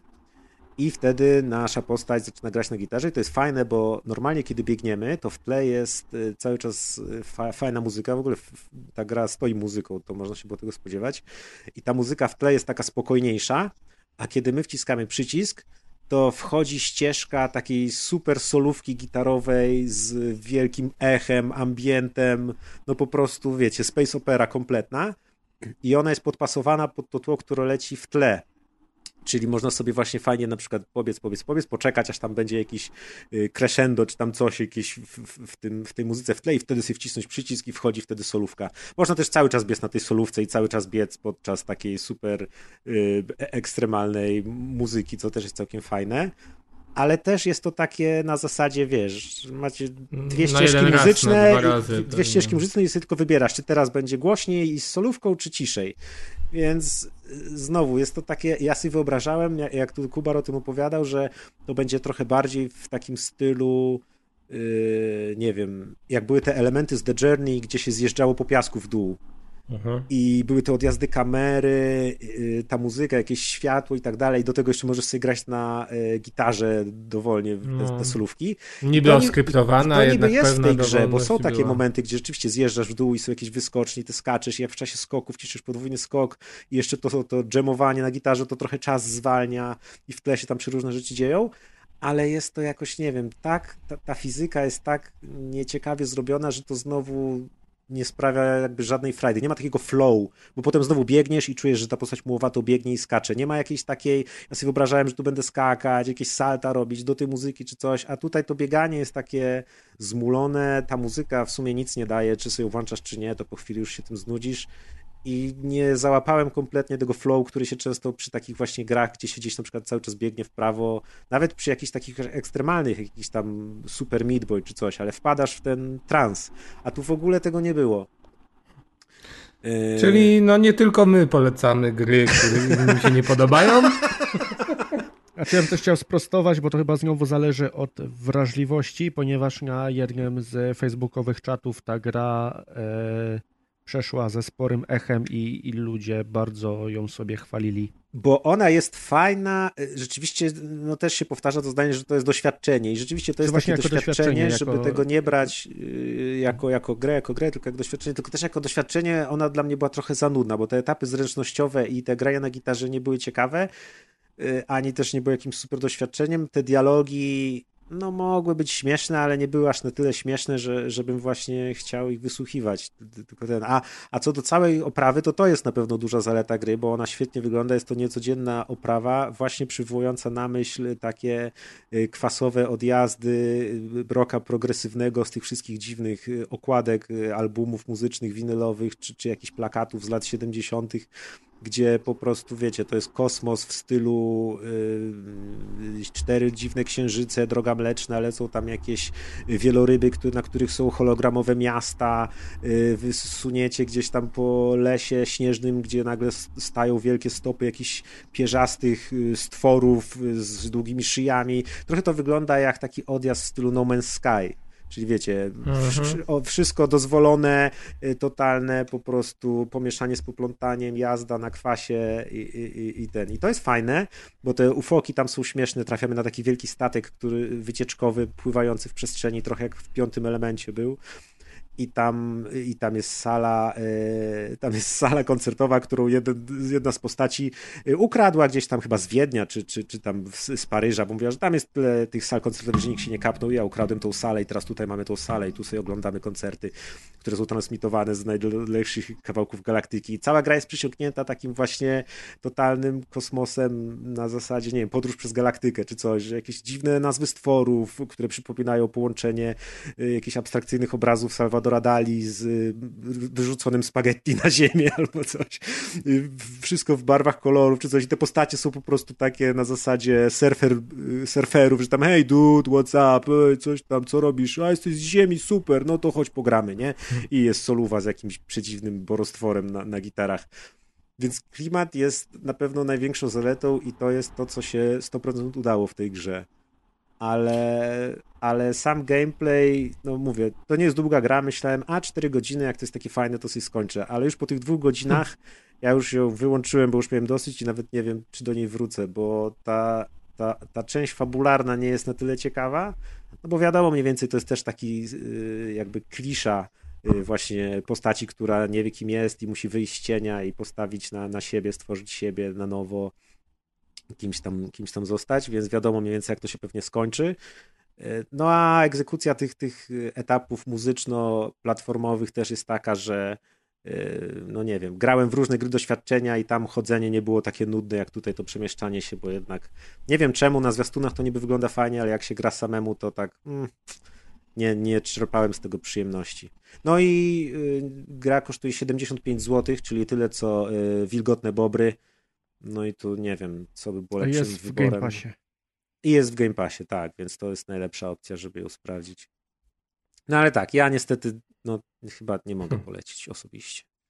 Ale też mówię, żeby, żeby też ludzie nie wzięli tego, że jednak jest najgorsza gra, że, że są osoby, które sobie bardzo chwaliły i mhm. tym, co pisały, nawet lekko mnie zainteresowały, chociaż też miałem takie obawy, że za nudne będzie dla mnie i jednak... Wydaje mi się, że to jednak brak to... doświadczenia dewelopera w robieniu gier, nie? Gdyby to robili ludzie, którzy już parę gier zrobili, to może by lepiej widzieli. Ale tu robili to w większości powiedzmy muzycy, czy tak, no w cudzysłowie, wiadomo. Ale widać, że warstwa muzyczno-wizualna jest świetna, a gameplayowo ten projekt cały trochę kuleje niestety. No to teraz Adek, tak? Pętle mogą być ciekawe? E, mogą być ciekawe pętle a dokładniej Loop Hero, e, czyli pikselowa gra idlowa z ulubionego gatunku Kaza. E, mm. Ja wiem, że już googlasz, ja wiem, że ta gra będzie ja wyglądała widzę ją, paskudnie. cały czas mi leci tutaj. Podziwiam. No jest paskudna. Jest paskudna z wyglądu niestety, ale ma bardzo fajną opcję, bo można sobie w menusach załączyć... Można ją wyłączyć. Nie, można załączyć e, napisy dla dyslektyków przez co zmieniają się z pikselowych na, na takie ładniejsze i, i A, to jest super bajer. Tak? tak? zmienia się font. No, to, żeby, bo ten font jest taki stylizowany. Żeby był dużo bardziej czytelny. Świetna sprawa, zawsze takie e, ułatwienia dostępu są na propsie. Co to jest za gra? To będzie trudne opisanie tej gry, ale spróbujemy. Gra dzieli się na dwa etapy. To znaczy mamy grę właściwą oraz meta gameplay. Zacznę od mety, bo jest łatwiejsza. Meta to jest e, na podstawie, znaczy w czasie gry zbieramy sobie surowce i z tych surowców rozbudowujemy wioskę, budując kolejne budynki. Każdy budynek dodaje nam nowych ludzi w wiosce i dodaje nam nowe karty. Gra właściwa, to jak już wspomniałem, to jest gra idlowa, to znaczy e, nie mamy wpływu na walkę, walka dzieje się sama. Gra wygląda w ten sposób, że rozpoczynamy sobie granie na losowej planszy. Plansza wygląda tak, że to jest ścieżka, która jest ułożona w jakiś tam połączoną linię, jakiś taki pseudookrąg. E, na tejże ścieżce są wrzucone w losowych miejscach bloby, jacyś podstawowi przeciwnicy. Nasza postać sobie biegnie do przodu i wpadając na takiego bloba, zaczyna z nim walczyć. Przez chwilę się zderzają, najpewniej wygrywa walkę, dostajemy jakieś rzeczy, zamyka się walka, leci dalej. I w tym momencie w ogóle nie było żadnej interakcji gracza. To znaczy, to wszystko dzieje się automatycznie. To, co robi gracz, to po pierwsze, z każdego przeciwnika wypadają przedmioty, jakieś tam zbroje, e, tarcze, bronie i tego typu rzeczy. Każdy oczywiście ze swoimi statystykami i my na szybko decydujemy, co ubrać. I jeżeli ubierzemy coś i za chwilę ubierzemy coś kolejne, to to poprzednie się niszczy więc musimy z głową podchodzić do tego, co ubierzemy, a przedmioty, które zakładamy, wpływają na to, jakim buildem zagramy, bo możemy sobie akurat robić builda pod wampiryzm, albo pod e, szybkie ataki, albo pod ataki obszarowe. Drugą rzecz, jaką robi gracz, to po zabiciu przeciwników dostaje losowe karty. One nie są w pełni losowe, bo są z puli naszego deku, który sobie ustawiliśmy wcześniej, na które też mają wpływ nasze budynki wybudowane w domku. Te karty są z przeciwnikami głównie, czyli wrzucamy sobie na naszą pętlę przeciwników po to, żeby gra była trudniejsza. E, wydaje się to głupie, ale nie jest wcale takie głupie. Każda walka z przeciwnikiem lepszym daje nam lepsze przedmioty i więcej naszych surowców, więc chcemy to robić. Dodatkowo każdy rzucony przeciwnik na planszę ładuje pasek bossa i jeżeli chcemy z bossem wygrać, no znaczy w ogóle rozpocząć walkę, no to musimy całą planszę zapełnić. E, mamy też takie karty jak na przykład góry, jak jakieś tam lasy, e, mamy dodatkowe skrzynie, to są wszystko karty, które w jakiś sposób wpływają na naszą grę. Na przykład sprawiając, że szybciej nam się regeneruje HP, oczywiście przechodząc całe, całą pętlę dookoła, E, aktywują się różne efekty z kart, które postawiliśmy, troszkę jak przy przejściu przez start w Monopoly. E, z jednej strony regeneruje nam się HP, ale na przykład za to, ile mamy postawionych, teraz nie pamiętam, czy gór, czy, czy lasu, czy właśnie lasów, któraś z tych, z, tych, z tych rzeczy wpływa na to, ile HP nam się zregeneruje. Każda pętla zrobiona dodatkowo podwyższa poziom przeciwników, to znaczy za każdym razem będą oni trudniejsi. Więc to nie jest tak, że możemy sobie wrzucić coś i, i biegać dookoła i farmić, bo, bo jeżeli nie będziemy zakładać nowych przedmiotów, nie będziemy zrzucać nowych przeciwników, żeby mieć lepsze karty i lepsze przedmioty, to, to nie damy rady. Eee, no i tak biegamy sobie dookoła i z jakiegoś powodu ta gra jest tak relaksująca, szczególnie, że ona może działać w tle i po prostu raz na jakiś czas sobie pauzujemy, żeby tam, nie wiem, poukładać akurat karty, i, ale w tym samym czasie możemy albo oglądać coś na YouTubie, albo grać zupełnie coś innego. E, I to jest mój główny zarzut, bo to ta gra powinna być mobilką, bo te wszystkie mechaniki są bardzo mobilne. Zresztą ta meta gra też jest bardzo mobilna. E, I, I, nawet sam wygląd gry sugeruje, że, że spokojnie by sobie dała radę na mobilkach. Zresztą ma być edycja Switchowa wkrótce. Eee, co jeszcze? Nie powiedziałem o czymś ważnym, ale zapomniałem o czym. Eee, pu, pu, pu, Zapomniałem, co chciałem powiedzieć. A, okej, okay, bo możemy zginąć w czasie naszego rangu. I, I, teraz tak, jeżeli sami wyjdziemy z, z, gry, będąc w bazie, no to zabieramy 100% wszystkich przedmiotów, które zdobyliśmy, wszystkich surowców. Jeżeli gdzieś po drodze będziemy chcieli wyjść, to zabieramy 60%, jeżeli zginiemy, to zabieramy 30%. Więc, przepraszam, zależy nam na tym, żebyśmy jednak wychodzili zawsze w bazie. No ale jednak e, musimy jakoś rozplanować sobie to, jak rzucimy przeciwników na, na naszą mapę, bo może się okazać, że nie wiem, wrzuciliśmy w jedno miejsce cmentarz i i jakieś tam, a i postawiliśmy na przykład za dużo gór i teraz z tych gór wychodzą gobliny i tam jest król goblinów, który o też spawnuje się obok e, cmentarza, gdzie są wampiry i teraz ta jedna kostka jest tak hardkorowa, że już przez nią nie da się przejść. Więc warto tą ścieżkę sobie jakoś tak ułożyć, żeby to nie było po prostu losowe układanie, a, a z głową i pod nasz styl gry. Są e, różne klasy postaci odblokowywania w czasie, w czasie grania i każdą klasą postacią też, też gra się inaczej. E, jest cała fabuła, którą szczerze mówiąc ja nie śledzę, bo, bo to nie jest gra, żeby, żeby śledzić fabułę. Tam zaczęło się od jakiegoś zaniku pamięci i, i jakieś bla bla bla, bzdury i tak dalej. No totalnie nie chciało mi się tego czytać. To nie jest taka gra, że ja teraz będę zaciekawiony, nie co dalej dzieją się, się dzieje z fabułą. Ja chcę po prostu, żeby postać biegała, żeby mi się tam farmiły rzeczy i żebym ja mógł sobie jakoś, jakoś się zrelaksować. E, z jakiegoś powodu ta gra przynosi właśnie relaks. Tak jak Kas lubi sobie powirczować z dwuwymiarowymi kobietami, tak... Jakie dwuwymiarowe? Fotoreal. No. no ale wszystko, co oglądasz na wyświetlaczu jest dwuwymiarowe. No tam... To, to już nie są czasy 3DS-a. E, przynosi mi relaks ta gra. Ja sobie lubię popatrzeć, jak, jak, postać sobie biega dookoła. Oczywiście, jak źle wyliczyłem i zginę w połowie, to się wkurzam, ale po jakimś czasie mam ochotę odpalić znowu i znowu sobie tam pobiegać godzinkę, popatrzeć, jak to się dzieje. I oczywiście mam swój ulubiony build pod wampiryzm, bo, bo lubię, jak postać mi się cały czas leczy, a nie mamy wpływu na to, jakie przedmioty wypadną, więc często są takie rany, że już od początku widzisz, o okej, okay, dobra, ten będzie zjebany, no to już niech po prostu dla surowców mhm. sobie leci do przodu. A są takie, że, że zaczynasz i już myślisz, o, to, to będzie dobre teraz. Może być tak, że za pierwszym razem od razu dojdziecie, dojdziecie do bossa, bo, bo akurat wszystko spoko się wyfarmiło. E, gra jest wydawana przez Devolver, więc to już jest trochę znak jakości tego, czego się spodziewać po takim indyku, bo jak wiemy, Devolver nie wrzuca słabych gier do siebie. E, niestety kosztuje znowu 70 zł, to jest całkiem dużo jak na indyka, aczkolwiek jeżeli miałbym wybrać spośród dwóch gier dzisiejszych, moich, to kupiłbym jednak Loop Hero, bo mamy pełny produkt, gra na kupę godzin, gra skończona i bardzo porządny projekt z fajnym twistem, bo to jest gra karciana, ale jednak z tą oprawą, która e, nie sugeruje wprost, że jest grą karcianą. Jakby się rozłożyło te mechaniki, no to, to jednak jest cały deck building i tak dalej, więc, więc u podstaw są te, te, te karcianki. E, bardzo przyjemna gra.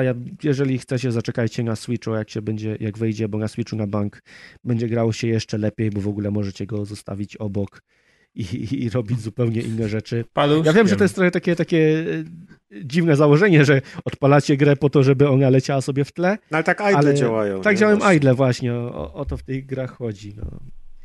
Tak to wygląda i już. To są dobre gry na dzisiejsze czasy, bo nie trzeba w nie grać, żeby w nie grać.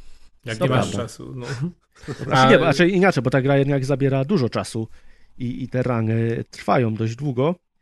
Ale, ale ty możesz robić nie, obiad w tym czasie. Nie, nie jest aż tak angażująca. I wiedzieć, że nie marnujesz czasu. Jeszcze może sobie przyspieszyć na razy cztery. O! żeby się tak wszystko dało. Czyli żeby wszystko robić, żeby jak najmniej w nią grać. Nie, ale... no, żeby zdobyć jak najwięcej. Nie, no, rozumiem. Zresztą w, w Bobry też grałem na razy cztery, no bo w takie gry też się gra. Cztery no, a i, Polecam. Dobra. Polecam. Okay. Ja wiem, to, że wygląda paskudnie, ale no, to jest największy minus tej gry. To zaraz, ten, to zaraz przechodzimy właśnie do. Kończyliśmy, skończyliśmy dział gier, ale ja jeszcze na sam koniec chciałem y, takie ostatnie słowo rzucić odnośnie tej Zeldy, którą kończę, bo już nie będzie okazji, a yy, takie Jak nie będzie okazji, rzuciło. Odchodzisz? Nie, nie, nie. takie coś mi się rzuciło, akurat no, nie skończyłem nie tej gry, ale mam naprawdę... Aha. Jubileusz mam naprawdę już, nie wiem, godzinę do końca jestem w ostatniej już sekwencji.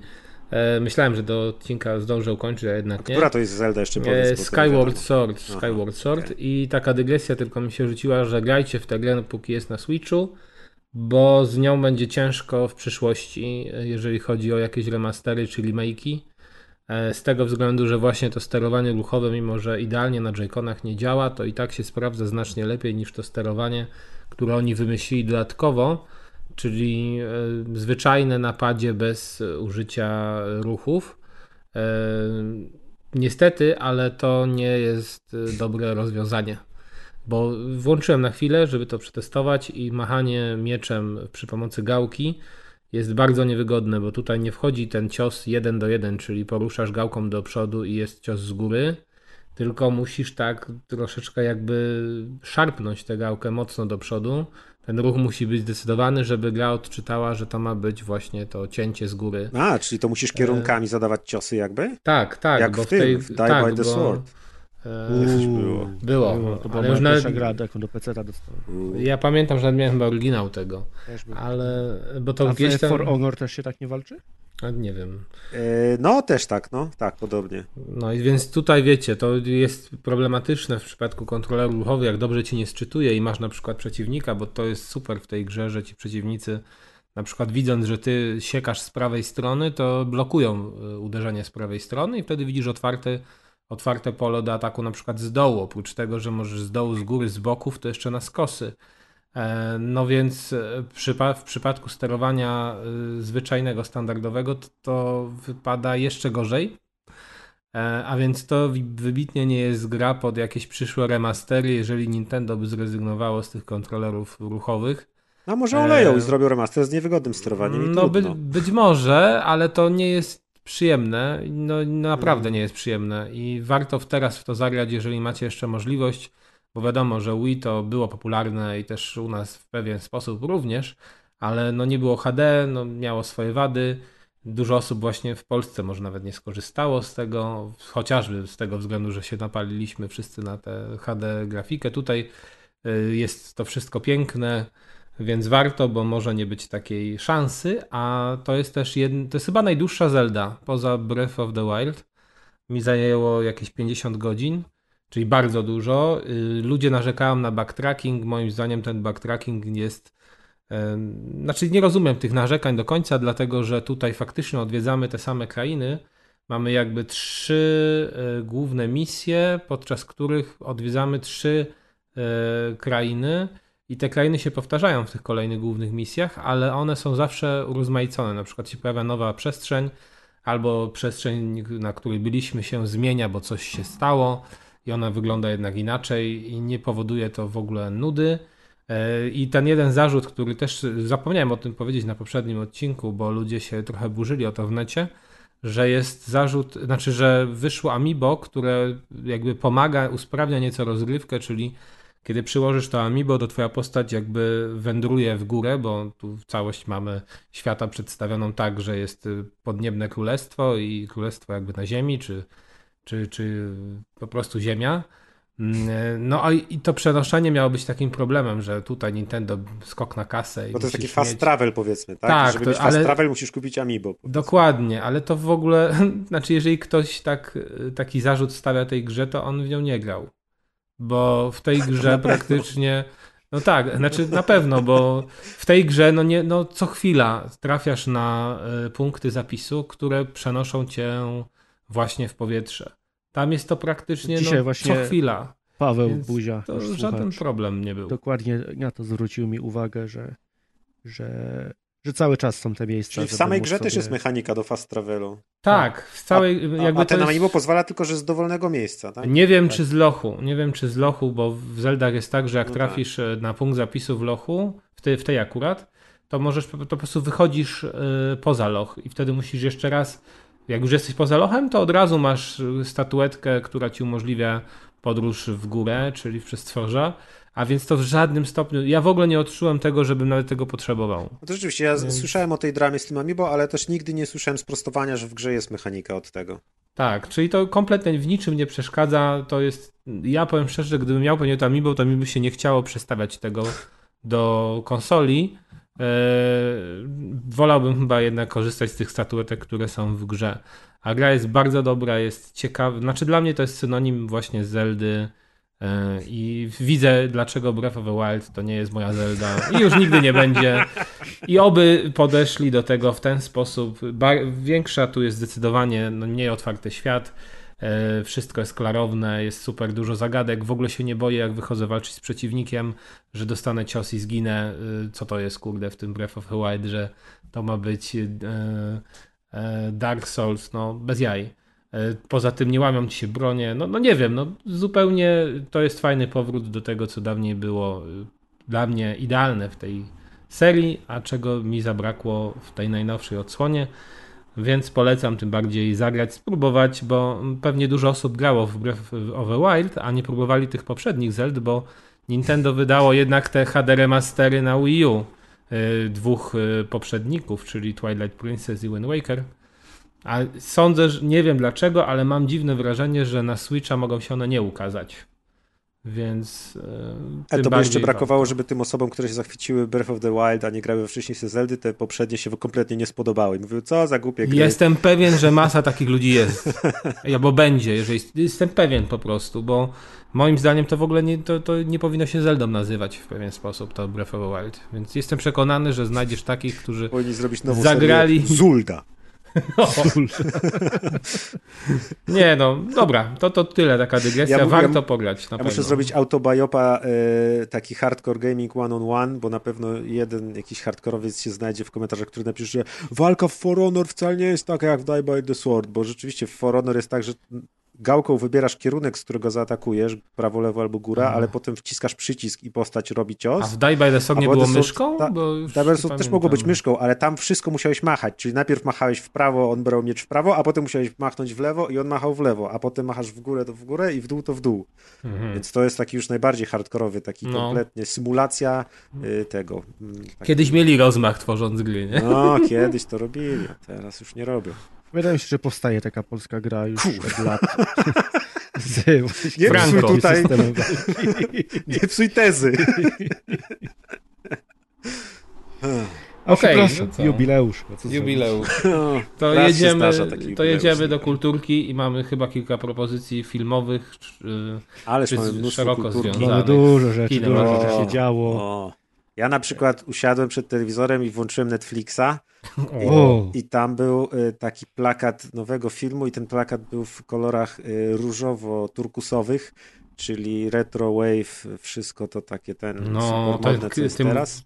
Nie wiem dlaczego, ja powiedz wiem, mi, czy to, czy to skojarzenie nie jest też, nie wydaje ci się w pewien sposób dobre, do Kate and Lyncha dwójki, po prostu te kolorki. Kate and Lynch, to byłby Kate, dobry film. Chciałbym, nie wiem czy dla dorosłych to nie byłaby wersja Kate and Lynch, ale oglądałbym to jak najbardziej, tak. Właśnie ten typ kolorystyki mi się tak kojarzy z tą grą, nie wiem, ona Może trochę tak, no ta, tam to na te glicze, ta, wtedy jeszcze nie było mody na ten y, lata 80. właśnie różowy i, i turkusowy i fioletowy, ale tam była ta estetyka gliczowa, która też jest taka z, ze swojej natury w takich kolorach, więc trochę tak. E, Arcade to jest y, nowy film akcji na Netflixie, Netflixowa produkcja, y, której jednym z producentów jest David Leach, Leach, David Leach, Leach, Leach mi stąd i nie wracaj. E, I jak nie wiecie, kto to jest pan David Leach, to pan David Leach zrobił Johna Wicka, Johna Wicka 2, Johna Wicka 3, robi Johna Wicka 5 i, i czy tam 4 i, jeszcze zrobił Nobody i, i, robi jeszcze Bullet Train, będzie taki fajny film niedługo i chyba The Division też on ma robić. Więc pan się... Sprostuję, to nie jest produkcja Netflixa.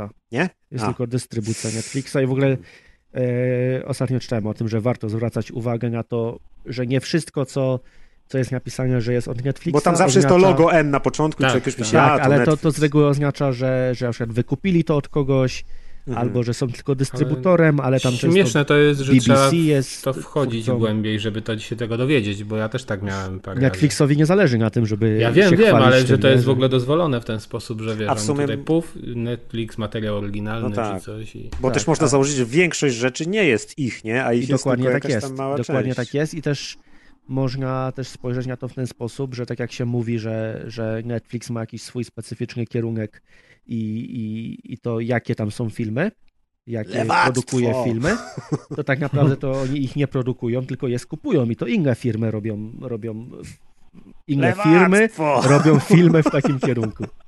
A tutaj e, to jest 87 North Productions i Clubhouse Pictures. Okej, okay, pierwszy słyszę, ale dziękujemy bardzo. Trzeba docenić. Pewnie pierwszy wytwór. Co to? 87 to jest John Wick na przykład.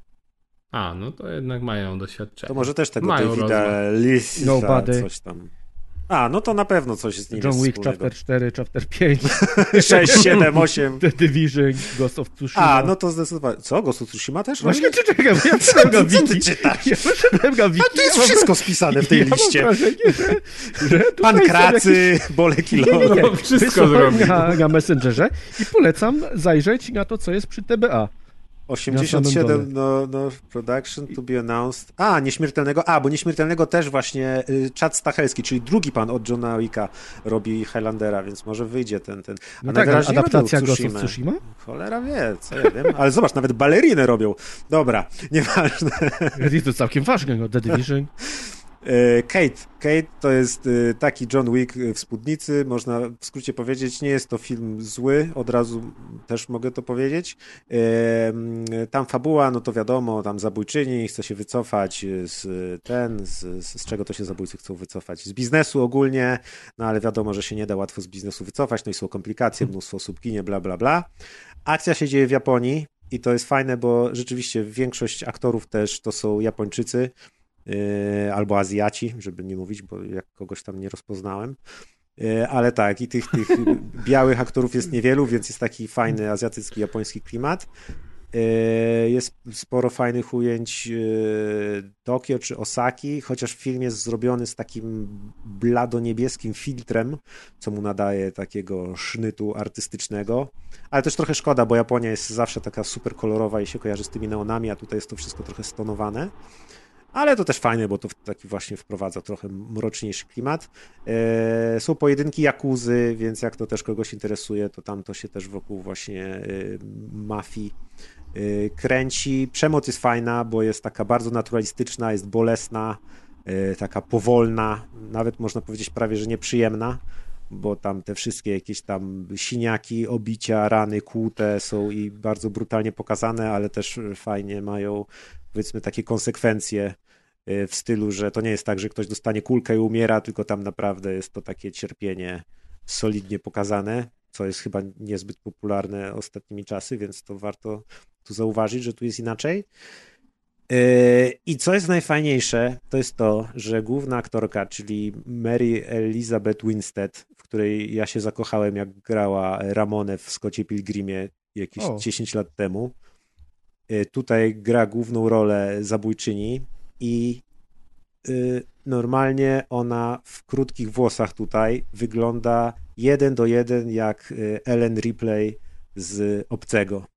Ona wygląda jak klon Sigourney Weaver. Na niektórych ujęciach jest prawie że do pomylenia, bo jest i podobne oświetlenie, ona jest yy, i trochę pobita, i tam zlana deszczem czy potem, i, i, w takich pobrudzonych ciuchach, i wygląda autentycznie jak wyciągnięta z aliensów. Jak po tym filmie sobie wygooglałem to szybko, wygooglałem właśnie Kate, Alien, Sigourney Weaver, mnóstwo ludzi ma to samo wrażenie, że totalnie jeśli powstałby tfu tfu remake, albo może nie hmm. remake, czy jakiś spin-off no, Aliensów, no. gdzie trzeba by było, żeby ktoś zagrał na przykład córkę Ellen Ripley, albo klona Ellen Ripley. Może prequel. Albo prequel jakiś, to totalnie Mary Elizabeth Winstead się nadaje na młodą Sigourney Weaver. To jest niesamowite takie podobieństwo. Ona nawet była bardziej podobna do Sigourney Weaver niż do samej siebie, jak ją teraz oglądałem. Ale Więc tak, właśnie... nie jest to może nic odkrywczego, ale, ale taki poprawnie zrobiony film, myślę spokojnie można bez wyrzutów sumienia obejrzeć. Fajne są te scenacje dynamiczne, widać, że ona się tam nauczyła tej choreografii, że tam stali ludzie yy, za tym filmem, którzy wiedzą jak robić sceny, sceny walki, jak je tam oświetlać, choreografować, ciąć, filmować i tak dalej, więc to mogę polecić. Mi przez moment zbieżność tytułów yy, tak pozwoliła wysnuć wniosek, ale się okazało, że jednak był błędny, że to może, może, może odnosić się też do, ten, ta produkcja do anime takiego znanego z lat 90., który oglądałem dawniej. Może ktoś z Was kojarzy Kitę. Właśnie sprawdziłem nie Kate, tylko Kitę. Słuchacz, nazywało... Michał Kitę. Jak Kate. On ma Kitę.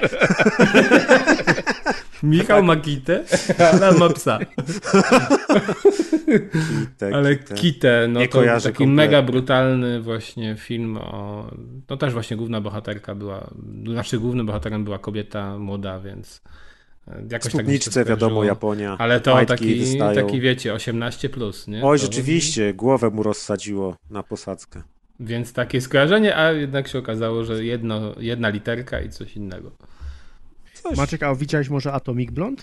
Z tego samego e, Tak, widziałem Atomic Blonde dosyć dawno temu. Też mi się podobało. Wydaje mi się, że Atomic Blonde było bardziej, bo ono tam miało jeszcze ten cały polityczny konflikt w tle, znaczy konflikt, y, rozbicie muru berlińskiego, czy tam całe to, to, co się tam w Berlinie działo w tamtych latach.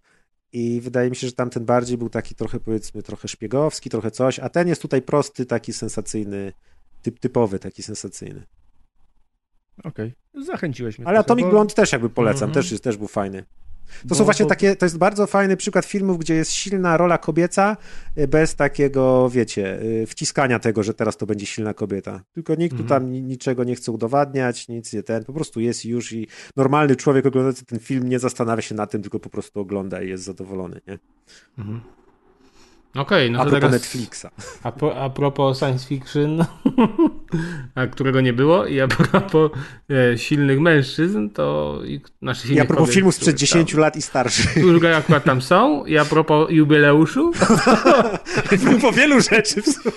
Dokładnie tak, bo jest... I Johnego Wicka też. Jubileusz e, Matrixa. Hello! Puk, puk. Nie, w związku z tym, że... 99 puka. W związku z tym, że pojawił się trailer nowego Matrixa, Rezurekcji, Zmartwychwstania właściwie, to, to postanowiłem, postanowiłem sobie sprawdzić o co chodzi z tym Matrixem? O co chodzi z tym Matrixem, bo jak Matrix wychodził, no to ja miałem 8 lat. Jak ja go oglądałem, to pewnie miałem z 10, bo na banko w 99 nie oglądałem. I, i za chwilę nic nie, nie rozumiałem z tego serialu, z serialu filmu, plus ja też niewiele pamiętam z filmu, więc po tylu latach postanowiłem sobie przypomnieć.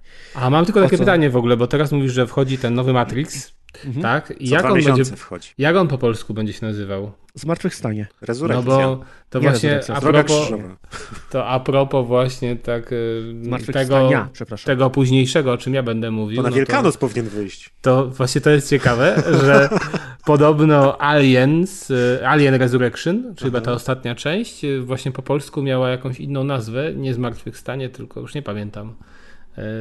Właśnie dlatego, żeby nie nawiązywać. Nie być zmartwychwstaniem? Tak, żeby Przebudzenie nie być było.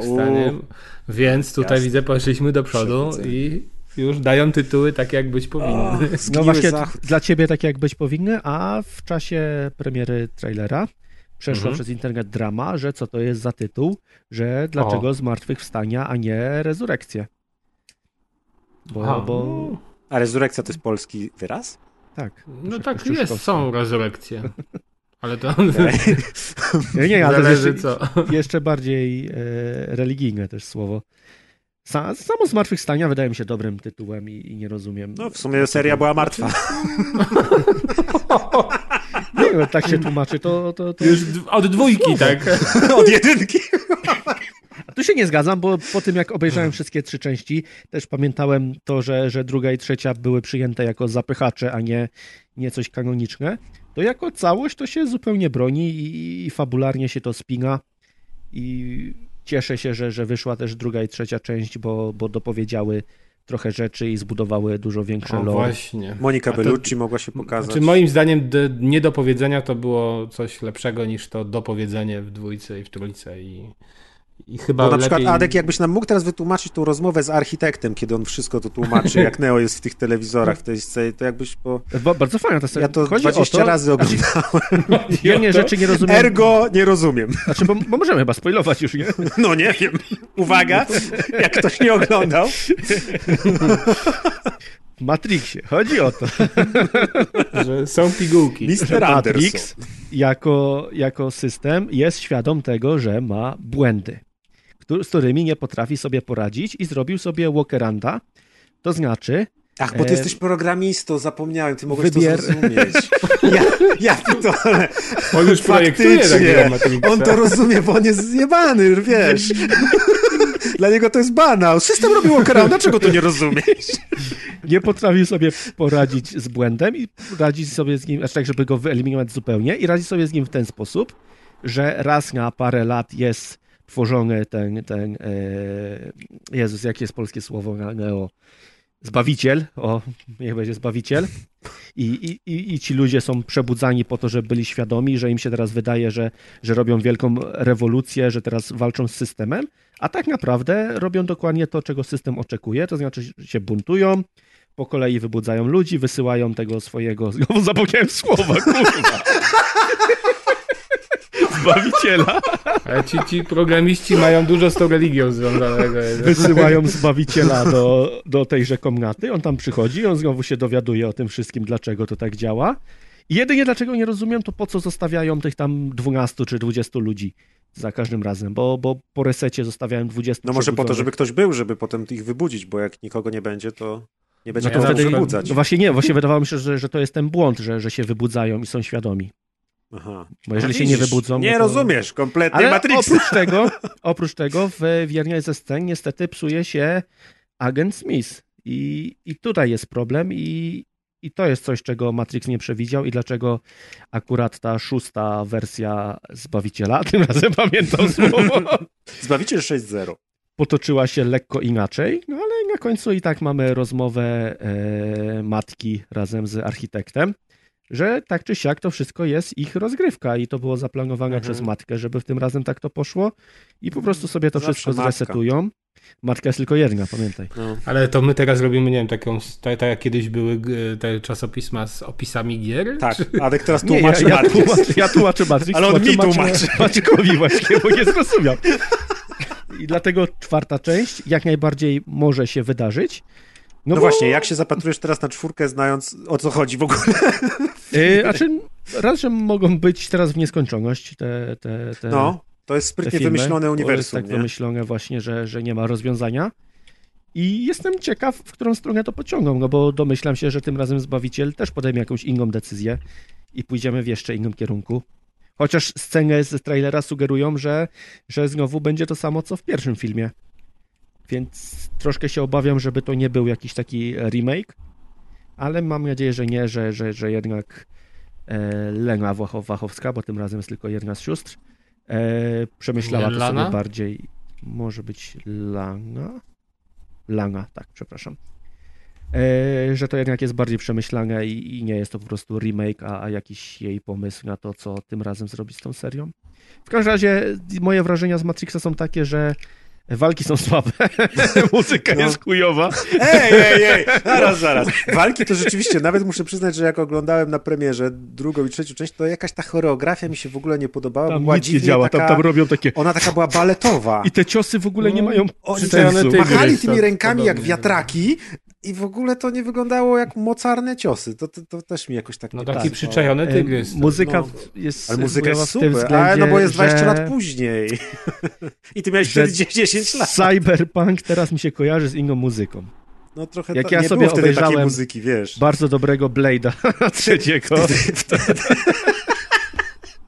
To miał dużo lepszą muzykę i bardziej pasującą do, do W czasach Matrixa to jeszcze dubstepu nie było chyba. Tak, no i, i dlatego właśnie wydawało mi się, jakbym znalazł e, płytę jakąś z 2000 roku. Płytę z, dziadka. Od, siostry. Czego wy tam słuchaliście? Beatlesi? Rob Zombie? W ogóle a, na jednej półce, nie? I jeżeli zostałby sam pierwszy film, to mamy wtedy historię fanatyków religijnych, którzy dla własnego widzimisię są terrorystami i zabijają wow, tysiące ludzi. To jest fajne w ogóle nie ma, nie ma sensu. Co nie ma sensu? No, nie, no, bo, no bo to, co robi, robi Neo, Trinity i, i Neo i nie, cała reszta... Wyciągają ludzi niby. No. Nie wyciągają, oni wpadają do świata i są świadomi i, i go rozpierdalają i są świadomi, że jeżeli kogoś zabiją, to on umrze też naprawdę I, i mimo wszystko... Collateral damage, czy jak ktoś tam mówi. Szkody poboczne takie. W każdym no. razie ja akurat, dla mnie to nie chodzi mi o samą fabułę, bo ona była według mnie ok w całości trylogii. Znaczy powiedzmy jakoś tam można powiedzieć, że się kupy trzyma, ale mi najbardziej, nie wiem, nie odpowiadał klimat w dwójce, że w jedynce to był ten taki świat nowoczesny, troszeczkę przypominający współczesność, to się trzymało jakoś, no nie wiem, jednej stylistyki, a później jak przyszła ta kurde wioska, Yy, Zają. Takie plemienne, podwodne, no, plemienne, no plemię. Podwodne. Właśnie podwodne. Tak, no to prostu... cała trójka to jest jakby działa się pod wodą. No, to... no tak, tak, ale no właśnie to mi trochę zepsuło jakby w sensie, cały Maciek, nie, że dzieje się pod wodą, tylko cała ta walka z tymi wszystkimi robotami i tak dalej jest nakręcona tak, jakby działa się pod wodą. Aha, okej, okay, tak, no tak, tak, to o to chodzi. No, no, no, no. no jest taki klimat tego wszystkiego tam i, i, i stylistyka. A poza tym też, też w, w tym Matrixie nagle się pojawiał ten cały Merovingian, czy tam coś i te wampiry, ja w ogóle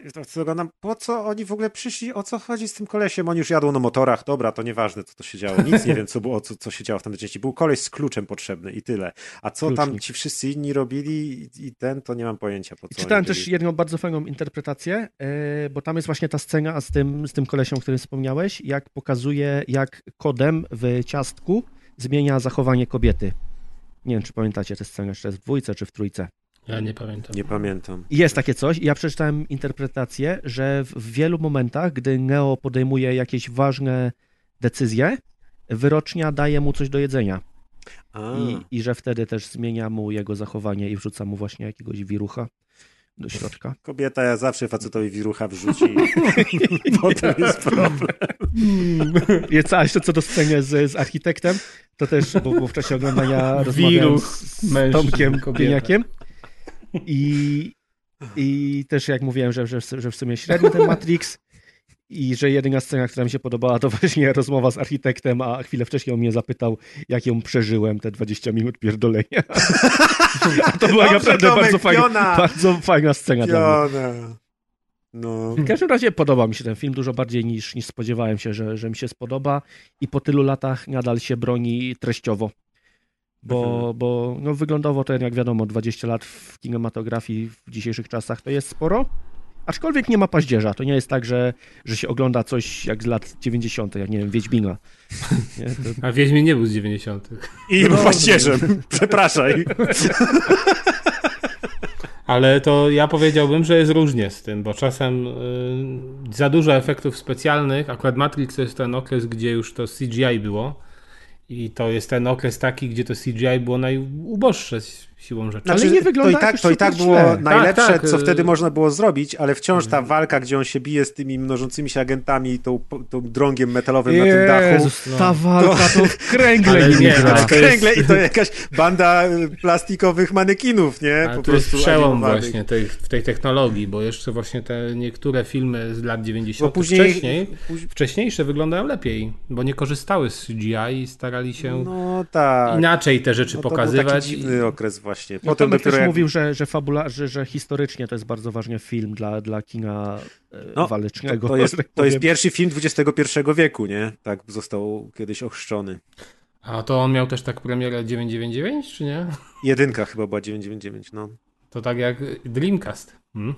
Mm? To może mm? to było... Przypadek? Jeszcze Rzut, moje jedno, Rzutnik snów. Hmm? Jedno moje wstydliwe wyznanie. E, zrobiłem lodzika, żeby. Nie, nieważne. E, myślałem, że jak są bliźniacy w, w dwójce bodajże. Ci biali tacy tak, z dreadami? Tak, tak, tak. To ja przez całe życie, aż do momentu teraz, jak obejrzałem. Że to film, twórcy myślałeś. Byłem pewny, że to są siostry Wachowskie, tak. O! może to była ich projekcja, może chciały nimi bić, chcieli. Wtedy. Ja też przez jakiś czas tak myślałem, nie wiem dlaczego. To pamiętam, że zanim może obejrzałem ten plotka, film, czy coś, to... Może tak, jakoś... jakiś miejska legenda. No może to bracia robią, a tutaj oni podobni, no może to takie jakieś skojarzenie dziwne było. Ale rzeczywiście też tak miałem przez jakiś okres czasu, że... Y, ja jeszcze też po tym zwiastunie nowej części, y, jakoś tam specjalnie dużo nie, nie, nie czytałem newsów, ale obejrzałem sobie filmik na gałęzi, y, taki kanał YouTube'owy, gdzie taki... Z domu sobie zobacz normalnie. A, tam było łatwiej jakoś. I tam ten chłopak, który to prowadzi, fajnie, fajnie opisywał różnicę wizualną między tym nowym zwiastunem, a zwiastunem pierwszej części. Jak, jak drastycznie inaczej te filmy wyglądają. I rzeczywiście te, te, ta nowa część jest przedstawiona bardzo kolorowo. Ja mam i tak, i tak jakby tradycyjnie hollywoodzko bezpiecznie. Y, cały czas ja mam nadzieję, że to jest taki sprytny zabieg, y, że, że wiecie, że oni pokazują na przykład nową kolorową wersję Matrixa 7.0, która jest cukierkowa, a że na jak bank. tam Neo się wyrwie z tego snu, to, to że to się zmieni jakoś na będzie ciekawsze idealny świat, który właśnie jest stereotypowo idealny. Wygląda pokazany. jak komedia romantyczna jakaś, nie? No, jest no. tak nakręcony, więc cały czas mam nadzieję, że to jest taki sprytny zabieg, bo rzeczywiście ja bardzo dawno nie oglądałem tych, tych y, poprzedniej trylogii, a tutaj jak on mi pokazał y, sporo takich kadrów z pierwszej części, no to też byłem w szoku, jak ona jest świetnie nakręcona, tak właśnie porównywał do filmów y, tego, od 7, jak on się nazywał reżyser. Eee, ja Zapomniałem. Ale siara. Teraz ja pamiętam, jak się Zbawiciel jest po polsku, a nie wiem. Fincher, David Fincher. David Fincher. O, do, po Fincherowsku jest nakręcona i rzeczywiście mega kontrasty, bardzo ciemne sceny z kontrastowym świeceniem y, na, na bohaterów i tak dalej. Y, u kadry niesamowite, jakieś w górę, w dół, czy, czy po budynkach, czy po klatkach schodowych, świetne ujęcia, więc aż normalnie sobie zrobiłem smaka, żeby sobie obejrzeć tą pierwszą część, bo kompletnie nie pamiętam jej, jak ona wizualnie wyglądała. A, a rzeczywiście może być fajnie się tak zestarzyć jak, jak wino, nie? że z biegiem czasu się doceni, że ten Matrix, co wtedy się tylko jaraliśmy jakby bardziej fabułą i efektami, teraz może się okazać, że jednak wtedy był też świetnie nakręcony jakby tak fachowo, nie? Mhm. Więc też sobie muszę przypomnieć. No. Co do trailera czwóreczki, yy, świetna muzyka w nim jest. Tam... A to kompletnie Ten... nie pamiętam. Nie wiem, nie oglądałem nawet. Jezus Maria, dzisiaj nic nie pamiętamy. Jubileusz w końcu. To dobrze, jak się nie pamięta nic na jubileuszu. Znaczy, był dobry jubileusz. My nawet nie pamiętamy, dlaczego jest jubileusz. No to... Ważne, żebyś wiedział, jak masz na imię. To, to najważniejsze. Jubileusz. e, ten White Rabbit Jefferson Airplay. A, tak, no. I bardzo, no bardzo ładnie pasuje do, do, do tego trailera i do tego wszystkiego, co tam się dzieje. I dlatego właśnie uważam, że muzyka w Matrixie jest słaba, bo. No bo tak, no bo mówię z perspektywy czasu, no, z tego jak no tak. cyberpunka i znaczy, takie rzeczy. Każdy lubi też co innego, więc ja, ja, nie, ja nawet powiem szczerze, nie pamiętam. Znaczy wiesz, ale tutaj nie chodzi o to, okay. co kto lubi, nie? Tylko obiektywnie mówię, że jest chujowe. Okej. Okej. No teraz przechodzimy do kolejnych Jeszcze jedną rzecz, bo jeszcze A, chciałbym jeszcze. mnemonika sobie obejrzeć, żeby przypomnieć e, jak, jak ten. A to akurat niedawno oglądałem i jest spoko, chociaż mi się od zawsze podoba. Może jest lekko kampowy teraz, ale, ale na pewno jest bardziej cyberpunkowy. Tak. Na pewno jest bardziej cyberpunkowy niż Matrix, taki klasycznie cyberpunkowy, ale właśnie Cyberpunk 2020. To zdecydowanie. Equilibrium. Trzeba obejrzeć. Dobra, e, w każdym razie ja chciałem tylko wspomnieć, że e, akurat Press mnie trochę zainspirował ostatnią rozgrywką e, i okazało się, że moja współmałżonka nie widziała wcześniej dwóch, nie nawet trzech znanych serii filmów, czyli przede wszystkim Alienów, Terminatorów i Robocopów. No. I akurat Mieliśmy y, ostatnio taki y, okres nadrabiania tych filmów. Jeszcze nie nadrobiliśmy, zresztą ja nie widziałem jeszcze do tej ostatniej części Terminatora. E, teraz właśnie włączyliśmy, 20 minut obejrzałem, na razie jest powiedzmy. E, natomiast jeżeli chodzi o Alieny, to jest seria, która bardzo fajna jest, aczkolwiek wydaje mi się, że jak widziałem ją kiedyś, jak byłem młodszy, to mi się ona bardziej podobała. Chyba najbardziej zdecydowanie, znaczy chyba najbardziej ta jedynka jest y, w moim guście. Jest taki klimat y, zamknięcia, izolacji. Jest ten obcy, który jest naprawdę takim y, nemezisem dla wszystkich w załodze.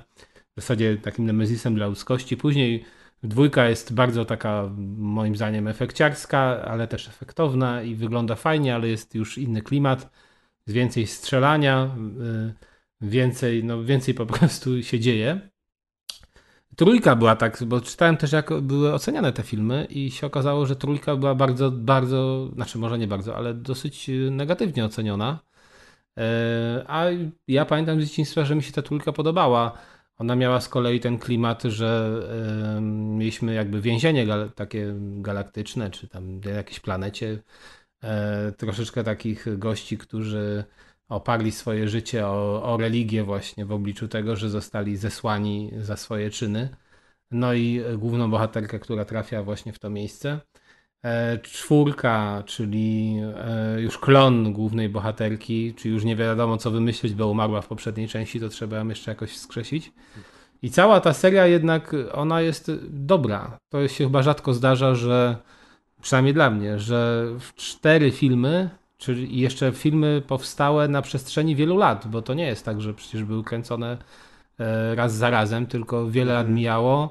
Praktycznie pierwszy to chyba 70 jeszcze lata, kolejne, Końcówka, kolejna 80, kolejne dwie 90, ale też e, po 92 i 97. No. E, każdy z nich wygląda fajnie i oczywiście te efekty moim zdaniem są rewelacyjne. Akurat w pierwszej części chyba to w pierwszej, czy nie, chyba w dwójce, albo w dwójce, albo w trójce, troszeczkę miałem wrażenie, że właśnie się pojawia takie CGI.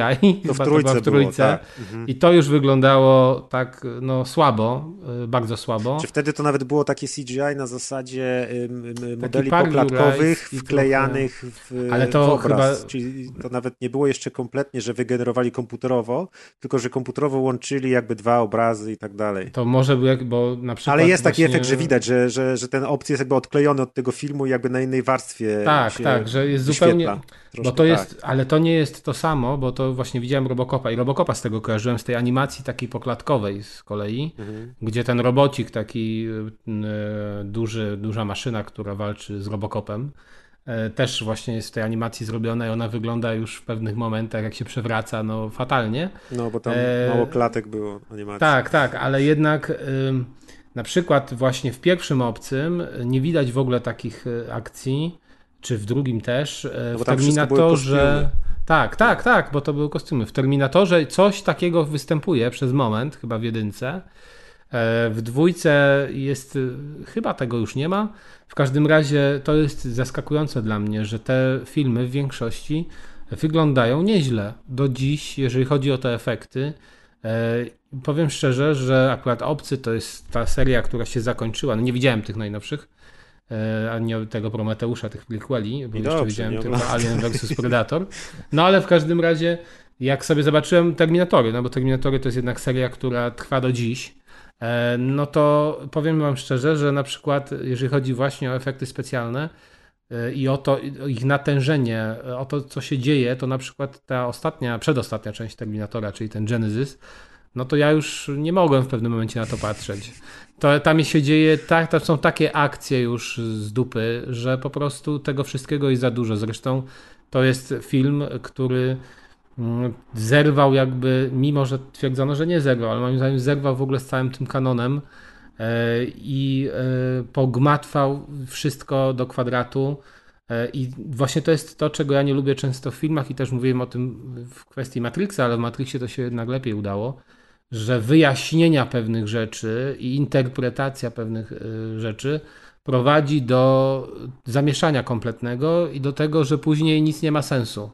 I na przykład ten Genesis, to moim zdaniem tam jest przenoszenie się w czasie już na taką skalę i tyle różnych dziwnych akcji, że w zasadzie to można by wszystko wyjaśnić. E, wszystko, wszystkim można by mhm, wyjaśnić. Tam mhm. jest y, po prostu Deus Ex Machina tak. non-stop. E, gość poluje na swoją matkę, e, ona mówi, że jak mnie zabijesz, to przecież się nie urodzę, a on mówi, że teraz to już jest nieważne.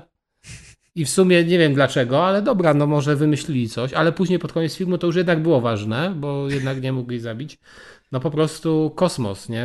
Machina w czasie. To jest problem podróży w czasie, że, tak, że tak, paradoksów. Ciężko właśnie wyjaśnić te paradoksy i nie wiem, czy jakikolwiek film poradzi ale sobie to, z tym. Nie, no, Wiem jaki, je, nie pamiętam nazwy, więc jeba nie, no, znaczy, Są takie, co sobie poradziły, ale często właśnie niedopowiedzeniem.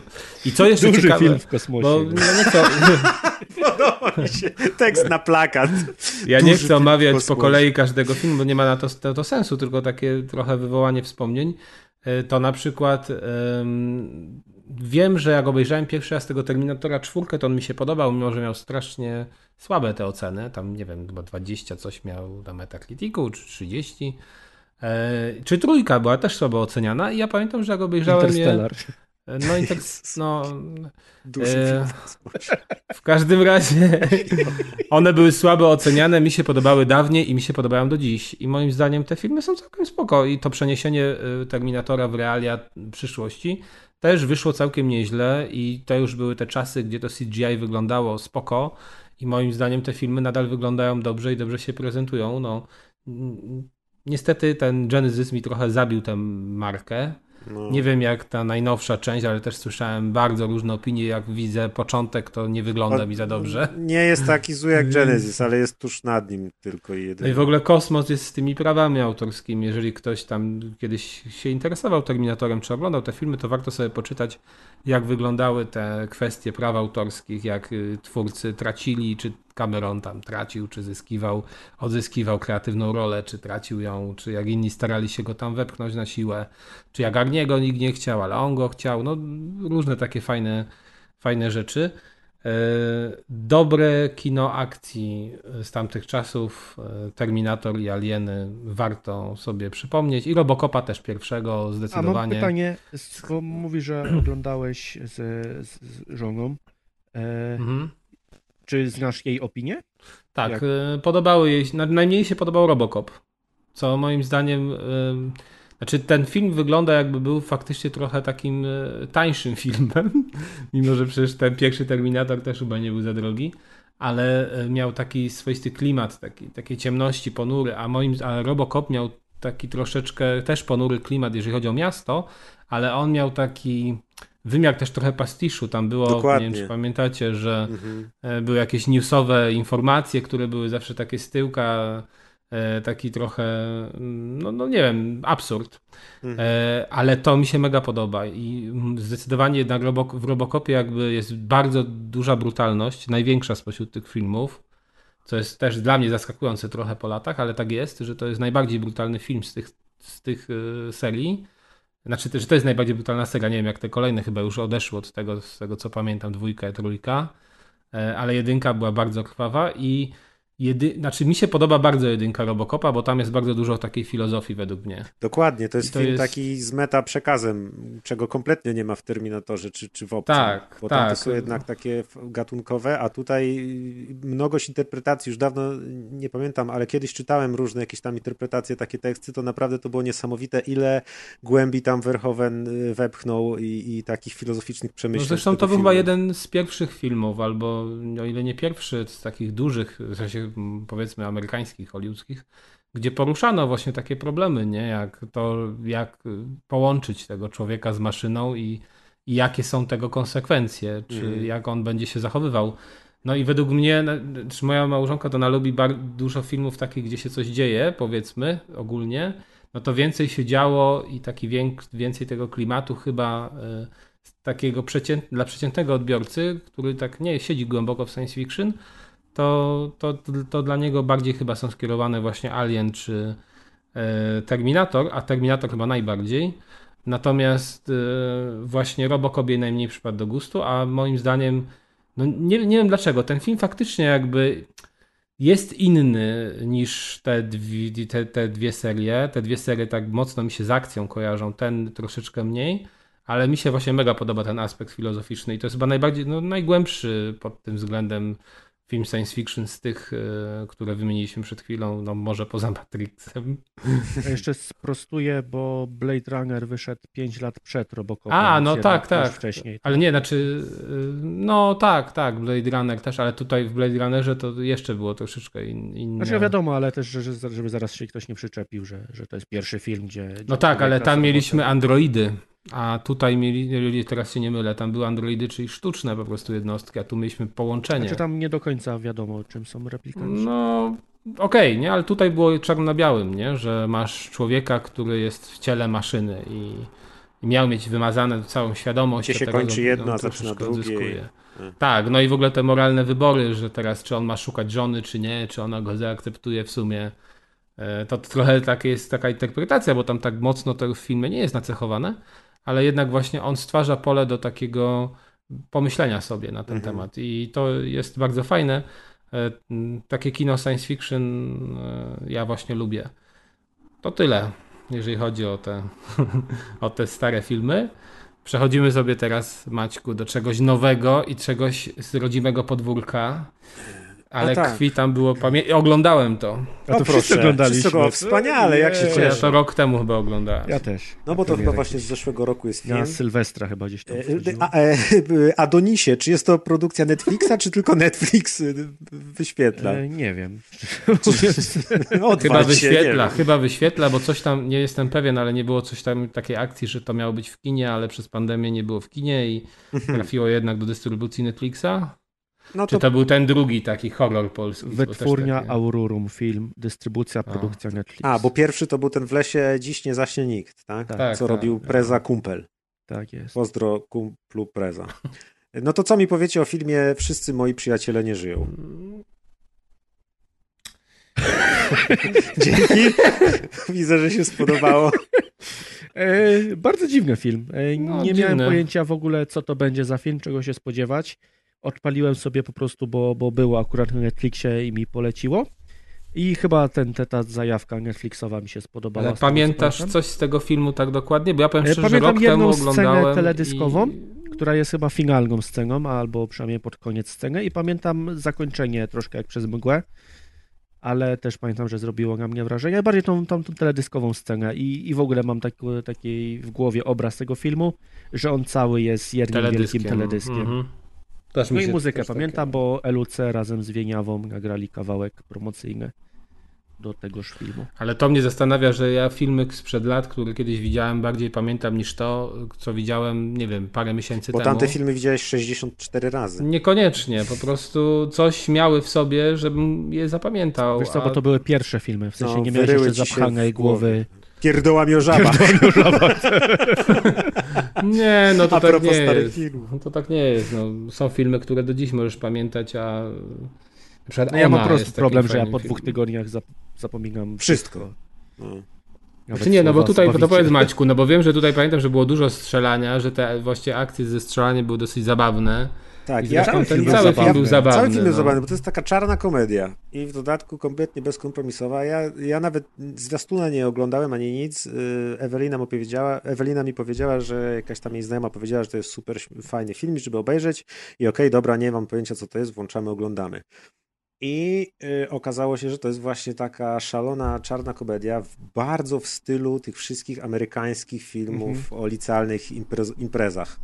Czyli mm -hmm. trochę takie tam American Pie czy coś, wiadomo, tylko że to, to jest połączone z taką makabrą, właśnie w stylu czarnego humoru, w stylu slasherów, też w sumie takich właśnie amerykańskich. Mm -hmm. ale wszystko to jest w takim bardzo luzackim tonie, takiego kina, które y, nie traktuje siebie poważnie. Może to jest właśnie to, że ten film jest dziwny, bo jakby y, i ta jego teledyskowość, o której Adonis wspominał, to jest to, że właśnie nie można go brać na poważnie i on też siebie nie bierze na poważnie i bierze cię na taką śmieszną przygodę, że teraz się będziemy fajnie bawić i się rozluźni i nie analizuj, to nie będzie nic poważnego, tylko się powygłupiamy trochę.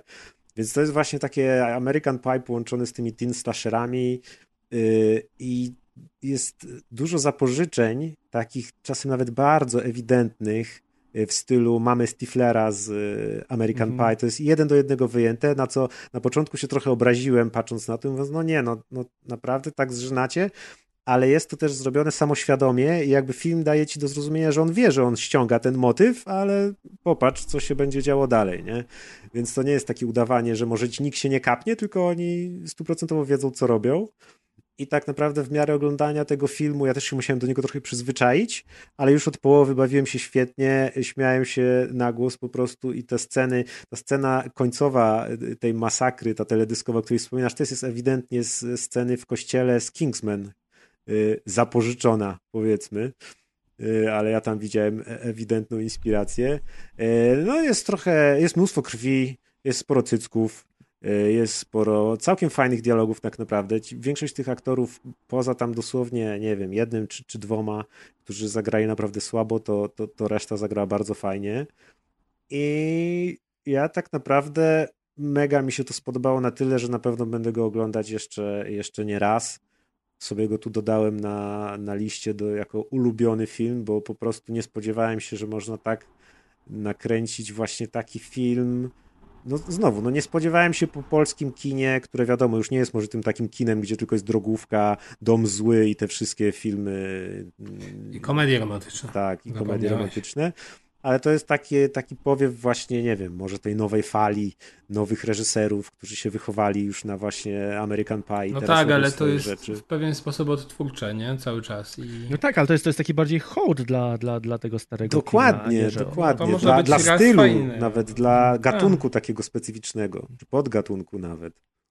Ale tak samo jak w lesie nikt nie zaśnie dziś, czy tam dziś nie zaśnie nikt, był dla mnie też fajny, bo znowu był jakby niczym odkrywczym, ale też był idealnie dobrze zrobiony, całkowicie po polsku, a mógłby równie dobrze stanąć obok tych wszystkich amerykańskich takich slasherów, gdzie ktoś po lesie biega i morduje siekierą ludzi.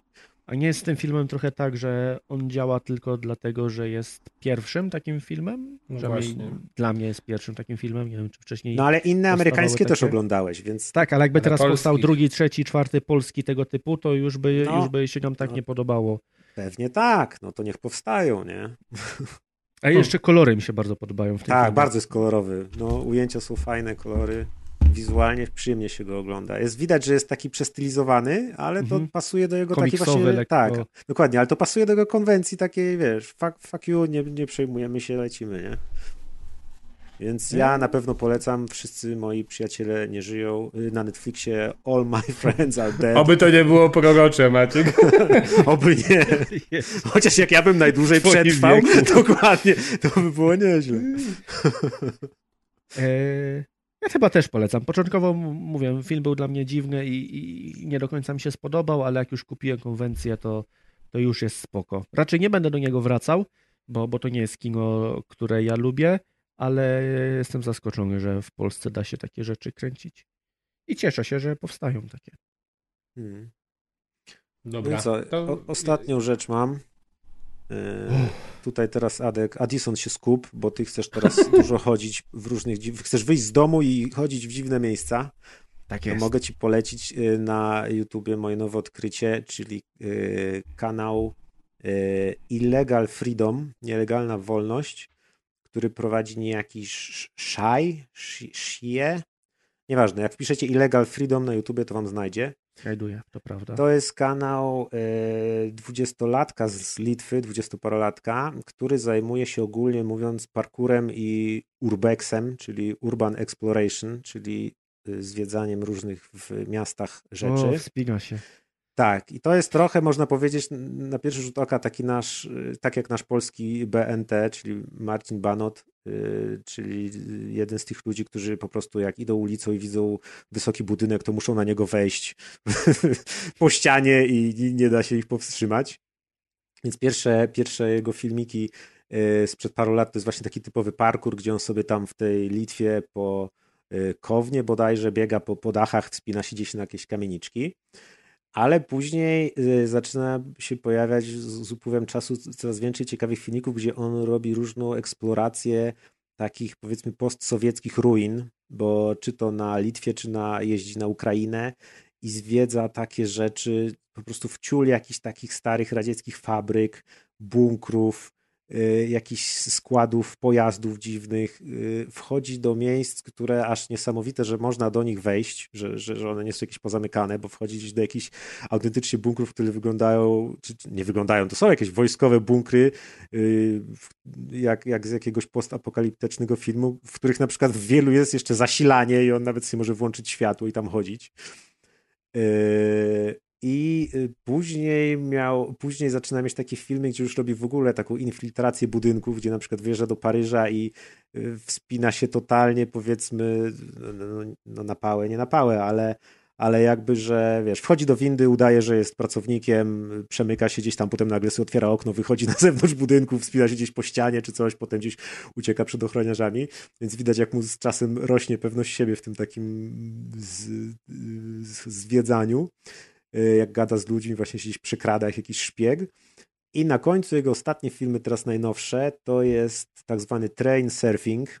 Y, ja nie wiedziałem, co to jest. Train surfing polega na tym, że po prostu wskakujesz do pociągu towarowego i sobie za darmochę jedziesz gdzieś tam, gdzie ten pociąg jedzie i tak sobie zwiedzasz. Y, I on surfował tutaj i właśnie po, po, naszych okolicach, gdzieś tam nad Bałtyk od strony Litwy jechał, ale też na przykład robił dalsze wyprawy. Wiem, że był we Włoszech i w Szwajcarii. Tych filmów właśnie jeszcze nie oglądam widziałem. E, film z Ghost Town we Włoszech. I no. go Wow. Tak. Y, większość jego materiałów to jest oczywiście GoPro i z tym GoPro na czole, więc jakby mamy jego POV, punkt widzenia i do tego jest jakaś tam atmosferyczna muzyka w tle, on te filmiki fajnie montuje i tam nawet on chyba trochę tworzy tej muzyki, więc pod nią podkłada, ale widok z, tego, z, tego jego, z tych jego materiałów to jest dosłownie jak z jakiejś gry wideo, przez to, że widzimy jego ręce, jak on się wspina, jak on gdzieś zagląda i czasami jest to naprawdę horror, kiedy on wchodzi do takiego ciemnego bunkra, ma tylko tą latarkę, rozgląda się, chodzi w ciszy, nasłuchuje tam, czy tam kogoś przypadkiem nie ma albo coś, to normalnie włos się jeży na, na, na plecach, jak się to, to ogląda.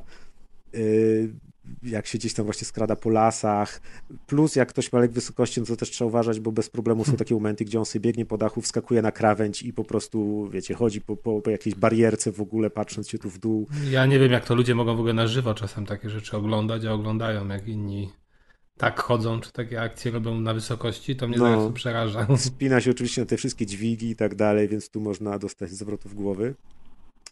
Ale to, co mi się najbardziej w tych wszystkich filmach podoba, to jest to, że to jest taki, chciałem, nie wiedziałem jak to opisać i wydaje mi się, że to jest po prostu taki stoicki spokój tych materiałów. Znaczy to jest zupełnie nie taki YouTube, do którego jesteśmy przyzwyczajeni. Nie ma w ogóle youtuberstwa, nie ma żadnych, wiecie, elo, ziomeczki, to musimy się spinać, jo, bum, tutaj ten, i wiesz, hashtag. A wiecie tak na czym nagrywam? Tak, nie ma żadnych krzyków, żadnej sztucznej wydarki, nic. Te filmy są ultra intymne są takie mega prywatne i bardzo mi się to skojarzyło z takim stylem e, nielegalnych nagrywek z VHS-ów e, na przełomie lat 90., 2000, jak na przykład były pierwsze Jackassy, jakiś Gumball, albo na przykład te wszystkie takie stare filmy z graficiarskich akcji, gdzie tam kolesie nagle wpadają na, w metrze w Paryżu i coś tam no, były dość intensywne, nie? Więc... Znaczy, no, no dobra, bo znaczy, intensywne, Ja ale... rozumiem, że to inny klimat znaczy, zupełnie. Chodzi ale... mi właśnie o coś takiego, że to jest jakby na maksa uczciwe, kompletnie bez żadnego tego marketingu, tylko oglądając tego mhm. filmy filmy, masz wrażenie, że to jest jakby jego, jakby powiedzmy prywatny pamiętnik, gdzie on sobie to nagrywa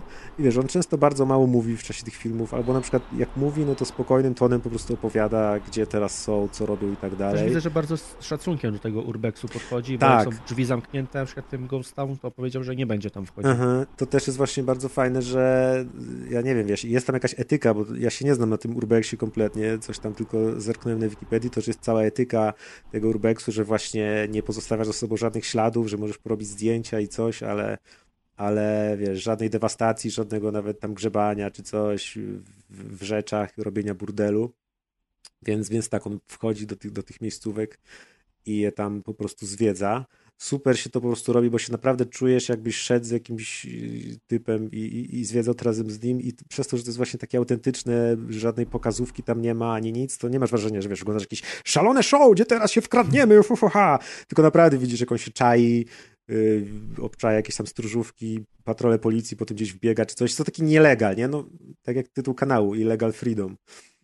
I y, pierwszym materiałem, który w ogóle zobaczyłem, to był jego drugi wypad do Prypeci, do Czarnobyla. I to jest to, co mnie po prostu najbardziej wciągnęło i potem zacząłem resztę oglądać, bo to jest jakby połączyć klimat Stalkera z y, filmowaniem a la Blair Witch Project. I to totalnie Blair Witch Project, ten pierwszy, najstraszniejszy, gdzie rzeczywiście oni idą po nocy i on mówi, że przed nami teraz 20 kilometrów marszu, potem się zatrzymamy na posiłek, a potem się widać, że on idzie w czarnym lesie, tylko ta latarka świeci i nagle, wiesz, wyłaniają się na przykład jakieś krzyże spośród drzew. I po prostu to jest takie straszne, a też zdajesz sobie sprawę, że oni tam naprawdę idą. I też jest niesamowite to, że Y, on pokazuje, jak tak naprawdę, jakie to jest proste. W sensie, że przyjeżdżają gdzieś tam na Ukrainę, on pokazuje, jak robią zakupy, kupują sobie racje żywnościowe, jakiś tam palnik gazowy, a tutaj jakiś tam tylko, nawet nie namiot, tylko jakiś śpiwór. Potem gdzieś jadą autobusem, potem mają wynajętego kolesia, który ich podwozi pod granicę tej strefy zamkniętej. Ja widziałem w tym stelażu właśnie, jak chodzą w tym Czarnobylu. No, no, tak. I, i, i, I też nagle możesz sobie zdać sprawę, że jakby nie ma żadnego problemu, że wiesz, że sam weźmiesz plecak i tam pojedziesz i da radę się po prostu tam wszędzie przekraść. I wiesz, jak trzeba spać w nocy w opuszczonej czarnobylskiej wsi y, pośród wyjących jakichś tam wilków, to po prostu rozkładasz się tam w tym burdelu i tam śpisz, wstajesz rano o piątej i idziesz dalej. I to jest takie zderzenie z rzeczywistością właśnie, jak człowiek, nie wiem, wyjdzie poza ramy takiego myślenia normalnego. Tak jak z tym spinaniem się na budynki, nie? Nikomu normalnemu to nie przyjdzie do głowy, a taki typ jak on, czy właśnie nasz Banot, jak gdzieś idzie i coś zobaczy fajnego, to musi się tam wspiąć i to na sam czubek czubka i jeszcze na tym czubku jest antena i on na nią też musi wejść i tam musi się złapać jedną ręką i nakręcić jak wisi nad, nad tym wszystkim, a potem sobie grzecznie zejść. Jest coś z tym porównaniem do Bangota, bo, bo akurat Bangota często oglądam i, i tego filmy też są podobnie intymne. Tam mm -hmm. jest mhm. trochę więcej już, już marketingu, ale, ale mimo wszystko. Ale no tak, tak. Tutaj on oczywiście ma wszędzie tam twarz zakrytą i tak dalej, ale też jest niesamowite to, jak właśnie wskakuje gdzieś nagle na pociąg i jedzie tym pociągiem i jest pokazany tam co jakiś czas włącza, że no hej, jadę już tam czwartą godzinę, zaraz trzeba będzie gdzieś wyskoczyć czy coś, no to do usłyszenia później. I cięcie i potem już jest jakiś tam później kawałek coś, więc y, naprawdę fajnie się to ogląda. Jest to, ja, już, ja już tyle przygód zaliczyłem przez te dwa tygodnie, jak to oglądam, bo też miejscówki niesamowite, jak on odnajduje, zresztą tam właśnie na, na, na Ukrainie czy coś, to można sobie wyobrazić, wiecie, na przykład jakaś gigantyczna betonowa hala, która jest pełna jakichś tam y, pojazdów y, z, z rdzewiejących czy coś, albo znalazł na przykład jakiś garaż, w którym są samochody i to sportowe samochody z lat 90., tylko stoją pokurzone, ale wiesz, jakieś tam Nissany, Skyliny, jakieś tam inne te i Bentleye i to tam stoi, nie wiadomo o co chodzi. Mówił, że jak był rok wcześniej, to było mniej tych samochodów, teraz jest więcej, więc nie wiadomo, czy to jakaś dziupla mafii, czy coś, ale po prostu włażył w takie rzeczy, prze, przeciskali się przez rurę wentylacyjną, taką, że ledwo się można było przez nią przecisnąć, wiesz, tam nie wiem, średnica 40 centymetrów, do też do jakiegoś super tajnego bunkra postsowieckiego czy coś tam zwiedzali, więc włażył w niesamowite miejsca. W te wszystkie tam on bawią się tymi konsoletami i tam są świetne podpisy pod tymi filmikami, gdzie mówią, że no i kolejna wyprawa, no na szczęście znowu udało się uniknąć wystrzelenia sowieckich rakiet nuklearnych, ale może w następnym odcinku albo coś. Więc taki y, ten, ten stalkerowski klimat też bardzo mocno, jeśli on w tamtych stronach zwiedza, to, to bardzo mocno jest odczuwalny, bo takie dziwne naprawdę miejscówki. Y, no i tak, to zdecydowanie polecam, jak ktoś chce sobie tak na spokojnie, bo to są właśnie takie, mówię, nie, nie nieagresywne, nieatakujące bardzo. Poza momentem, gdzie na przykład idzie spokojnie, a potem nagle zaczyna biec, bo trzeba uciekać przed jakimś ochroniarzem albo coś. Ale są takie naprawdę fajne, intymne, prywatne filmiki z niesamowitych po prostu rzeczy, gdzie ktoś może, jak chce, to sobie po prostu wejdzie i normalnemu człowiekowi by to do głowy nie przyszło. Bardzo Więc ładnie. Illegal Freedom na YouTubie polecam bardzo. To co panowie, Koń, kończymy? Jubileusz? Jubileusz? Już kończymy? Kurczę, 2.17, trochę krótki jubileusz. Imieniny, Krystyny i tak dalej. Mm. E, przypomnijmy o konkursie. Tak, tak preza. Konkurs na nowego członka rozgrywki. Pamiętajcie, drugie miejsce ma większe znaczenie niż pierwsze. I tak dalej. I ostatnie 10 dostaje kod na... Na co tam na... było? Na dwie godziny. The Artful Escape. Na dwie godziny. Na dwie godziny, tak. Z, z kazem. Nikt nie napisze. E, mail jest na stronie. tak naprawdę ten nowy członek to będzie nowym e, redaktorem naczelnym rozgrywki, żeby tak. było. Przejmie funkcję znaczy głównodowodzącego. No odchodzimy w niepamięć, a oni przejmą za nas. Tak. Dobrze, taki jubileusz. Taki jubileusz. To się zdarza tylko raz na 240 odcinków. To dziękujemy. E, jeszcze do komentarzy, jeszcze. co do, bo były w komentarzach. E, Albo dużo komentarzy było. I no, w obronie Deusza mu się gra podoba. Także walczy. No, nie wiem, skrót z 40 komentarzy pod ostatnim odcinkiem. Mi się podoba walczyć. Tym optymistycznym akcentem kończymy nasz jubileusz. Zapraszamy na kolejny już za dwa tygodnie. Obecność obowiązkowa. Obecność obowiązkowa. Y, dziękuję Wam, dziękuję słuchaczom. Do usłyszenia. Dziękujemy. Na razie, cześć. Dziękuję. Cześć. Pa.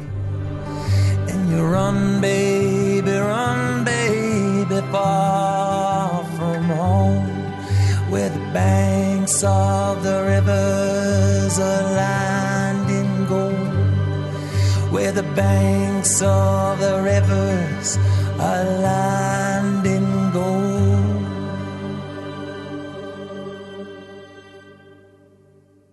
Okas grał. Jezus Maria. No, my sweetheart. Ajajaj. Powoli kryzys wieku średniego się zbliża. O Jezu, co to jest? O ja pitole. A to jest to, co było Rub Yourself. O oh, shit. Jakiegoś creepa grał. Bycie creepem, symulator. symulator creepa. Gaz. O, fajna gra. Imersja 100%. Wiesz, ja kupuję te RPG, później w nie nie gram, tylko No mam moje książki od bitewniaków, co stoją, pod, podpierają wieże koło lampki i już. Trochę poprzeglądałem i fajnie. A od razu jak zamówiłem podręcznik, no to kostki sobie też domówiłem. No raczej, kurwa. Czym będziesz nie rzucać, nie grając w tego RPGa, no? Ja nawet nie wiem, czy w tym RPGu takie kości się używa i poproszę wiadro kości do tego, jakich, jakichkolwiek. Fajne, kolorowe jakieś z wzorkami. Bez to jest chyba jaka szóstkach przecież. a ja sobie nakupowałem czwórek i ósemek. Nie, no, cały zestaw wziąłem. Zawsze kupuję zestawy. No, już mam dziesięć. No mam, tak, no to prawda. No i dobrze, właśnie to chodzi. Jak no kupujesz kosteczek, to potem wiesz, jaki system by nie wszedł, to na przykład potrzeba cztery dwudziestki i dwie setki. O, A to, to tak, to tak mam. To akurat to no. prawda. Ej, to Deusz dzisiaj nie nagrywa, tak? Nie wiem. Czyli nagrywamy tylko z kazem jubileuszowy odcinek z obowiązkowym obecnością z obowiązkową. Nie grałeś w tego? W Game Decka? Nie, nie grałem. Press też nie grał. Cztery kody gabraliście. tak, tak. I nikt nie zagrał. I postaw rzucił na stronę, z, tak? Te, żeby słuchacze zadawali pytania, jakie mają. Cały mistrz marketingu. Narobił rumoru, a godzinę przed nagraniem powiedział, mnie nie będzie. My tu, kurwa, obiecujemy sobie ten odcinek od lat. Ale jak nie, to nie. Ja mam coś nowego? Nie mam, bo cały tydzień chory byłem. No to napisz, byłeś chory. Adek był chory cały tydzień. Planuję teraz zrobić koronę gór Polski. To jest 28 szczytów największych w Polsce. Się idzie na każdy i, i, się zbiera pieczątki. pieczątki. Jak się będzie na miało... rękę tak jak Nie, jest taki taki zeszycik. Jak się będzie miało wszystkie, bo zapisałem się w ogóle do, czekaj jak to się nazywa? PTTK. Nie. A jak masz wszystkie pieczątki, to dostajesz ten. Do klubu Koronę Gór Polski. I jak zdobędę wszystkie, to wtedy będę mógł być zdobywcą Korony Gór Polski, dostanę legitymację.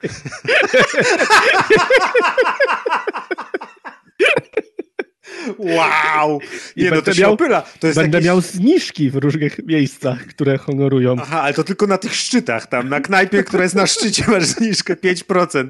No i super. No i ekstra. Matrixa obejrzałem wszystkie trzy części, żeby sobie przed o, nowym tym przypomnieć. No to, a, bo to nie gry, tylko kulturka. Ale nie, no teraz chyba nie będzie o Matrixie gadać. Jak to nie? No obejrzałeś, to jakieś swoje trzy słowa dasz. No, no właśnie o to chodzi, no, żeby się nie spinać, tylko sobie pogadać o czymś. Blade'a zobaczyłem. Kurwa, a tylko pierwszy raz w życiu? No? Ale tylko trzeci jest na Netflixie, więc trzeciego. Podobno nie jest najlepszy i trochę się z tym zgadzam. Co, nie, tego... co tam jeszcze robiłeś przez tydzień? Tego Blade'a to usuł.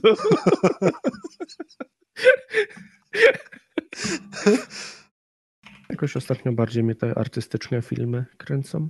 No i dobrze. Jak Blade 3. Bo jest ten łowca wampirów z Marvela. Ten, który będzie teraz w Doktorze Strange'u. E, nie typek, nie kolo. Kurwa. Typek, Kurwa. kolo. E... Mobius. Ja. Ale... Ale czekaj, daj mi... Byłem blisko.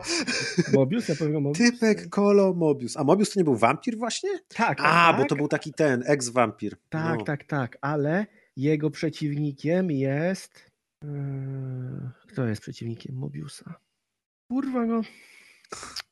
No właśnie, był jakiś taki śmieszny. nie dude, nie guy. Poczekaj, ja się muszę sobie zalogować się. No już widzieliśmy, że ty grałeś w obmacywanie, w, w creepa. No, fajne to jest.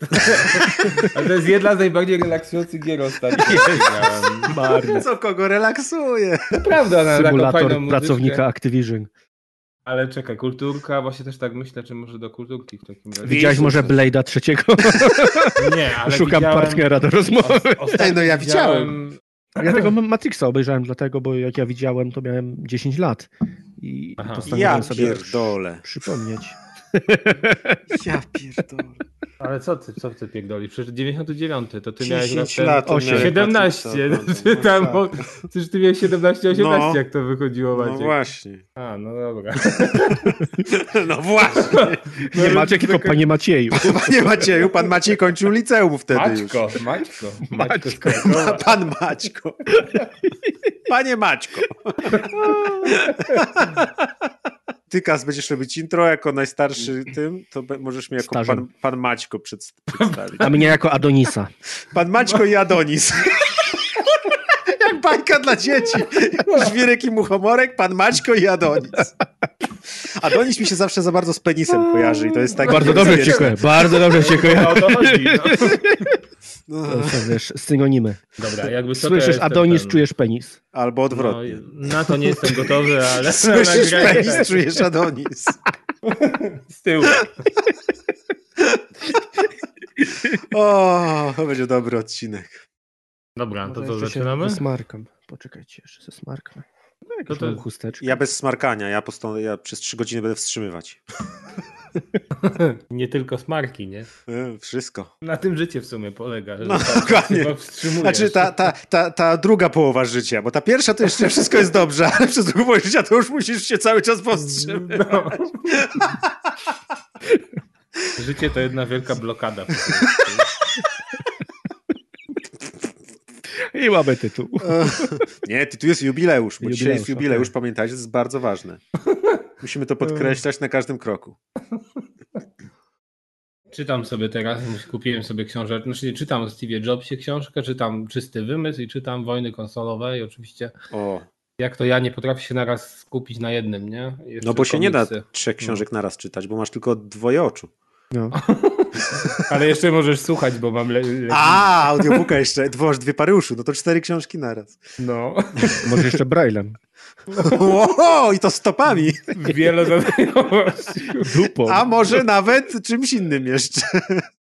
No ja sobie Alieny przypominałem tam z pół roku temu, to też byłem w szoku, jak świetnie produkcyjnie wygląda tam jedynka Jak, i dwójka. No, tak, że jakby jak... wizualnie kompletnie to się nie zestarzało ani Bo one trochę, są nie? zamknięte bardzo i to jest ich duży plus. No w sumie tak, no ale... Znaczy chodzi mi o to, że nie widać tego postarzenia się, dlatego że są Aha. zamknięte. Aha, aha. Bo nie ma, a nie ma, nie wiem, otwartych przestrzeni, gdzie efektów musiałoby być multum. No tak, e, nie musieli jakiś generować Tak, dżungli potwór był przebrany, a gdyby był na, na, nie wiem, na zewnątrz gdzieś biegał po planecie, to by było widać, że to jest kostium, Mhm, czy, mhm. czy coś w tym stylu, nie? A to, Mhm. że wszystko jest w mroku skąpane, w wąskich przestrzeniach, w jakichś wentylacjach, no to automatycznie te efekty po prostu moim zdaniem się nie postarzeją za bardzo. Ale ta, no. tak samo gdzieś trafiłem na jakiś króciutki urywek o tym, jak robili Terminatora i to było intro do dwójki, gdzie tam na samym początku jest króciutki taki pokazany urywek z tej wojny w przyszłości, w coś tam przyszłości, strzelają. no, no, no. I to było, słuchaj, tak robione, że y, oni robili tak, że najpierw zrobili pokładkowe. Bo to wygląda z- ta, takie lepsze niż... Tak, bo, bo oni zrobili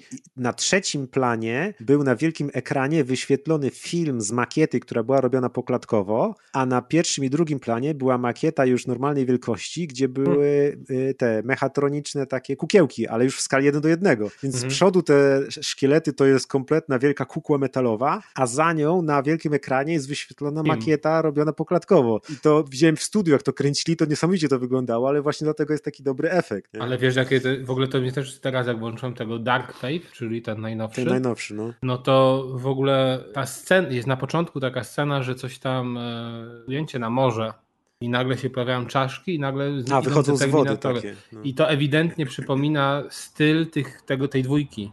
Rozumiesz, bo No. czy w, w tej czwórce to zupełnie ta przyszłość inaczej one się No tak, inne kolory, inaczej... inne, no, no, no, Tak, tak. a tutaj to on nawet, że to wygląda jak coś między CGI a poklatkowym, ale takie dobrze zrobione, że te terminatory są takie powolne, ociężałe, Mhm. ale bardzo przypominają te e, właśnie, które pamiętasz. No bo ten dwójki. Dark Fate to przecież jest teoretycznie kontynuacja dwójki właśnie. Tak, nie? bo to jest pomieszane, tam jest już Oni tak, olali trójkę i wszystko, co było później, i czwórkę ale z kolei piątka, ten Genesis, to olał czwórkę, nie? Piątka wszystko olała.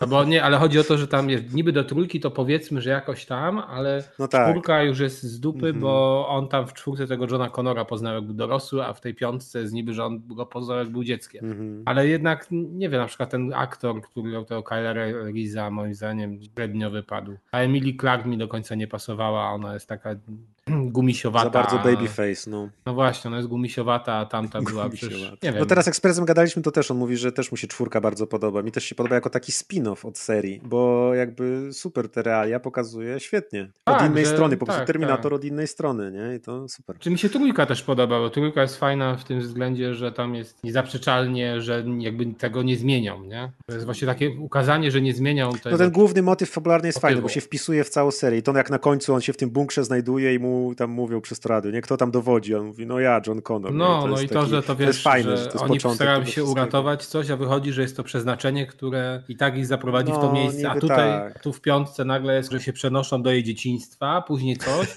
później jak ten się przenosi, ten Kyle Reese się w czasie przenosi, to jest z kolei przecież, że on ma dwie pamięci, bo pamięta, co się wydarzyło naprawdę, to Sobie innej- temu powtarza, ta mu zaznaczyła na ręce kreskę i Tak, w ogóle. I Tak, ale no nie, znaczy w ogóle to jest zawsze w tych filmach to jest coś, to Sadek mówił, że to jest najbardziej chyba taki film skazany na to pole do interpretacji, można wszystko tam włożyć. Że ten, że na przykład jest coś takiego, że on się przenosi do, tak jak w oryginalnej filmie, że w tym momencie właśnie on ma te e, objawienie, że widzi te dwie rzeczywistości, no to oczywiście Arnie mu to tłumaczy z dupy, no, no bo tutaj było jakieś zakrzywienie czasoprzestrzeni i w tym momencie coś tam się wydarzyło i że miałeś szansę to widzieć. Rozumiesz, nie? Jakby to Mm. było wytłumaczenie łopatologiczne kompletnej bzdury, ale żeby było, bo No musi tak. to napędzać akcję, żeby nie było, że ktoś powie, to jest niewyjaśnione. Tak samo właśnie z tym, że on chce zabić tę matkę i on mówi, że to nie ma już znaczenia. No i wiesz, później jak będą interpretacje fanowskie, to już nikt nie powie, nie, że dlaczego on tak powiedział, że to jest błąd. Nie, bo tu powiedział, nie ma znaczenia. A dlaczego, nie wiadomo. Ale po co tu coś wiedzieć, jak tu wszystko można zmienić? Hmm. Bo w sumie z tego filmu nic nie wynika. Nie, nie wiesz, dlaczego on był zły, czy był do końca zły. W sumie przecież to też czytałem o tym, że przecież czwórka miała być początkiem nowej trylogii, piątka miała być początkiem nowej trylogii, a w końcu wyszła ta szóstka, która skasowała je wszystkie. Więc to jest w ogóle, nie wiem czy teraz będzie, ma, ma, to też być jakaś y, seria, czy to jest jeden strzał? Nie mam pojęcia, chyba jeden, a nawet jak planowali serię, to już chyba przestali. No, bo coś tam się nie sprzedało, nie? Chyba to. Chyba nie. No, chyba gorzej niż ten Genesis się sprzedał. Nawet nie wiem, ale nie, nie za dobrze w każdym razie. Patronami montażu są Łódzki Dom Kultury. Paweł Las Jedi 84, rumiński. I Andy. Mm.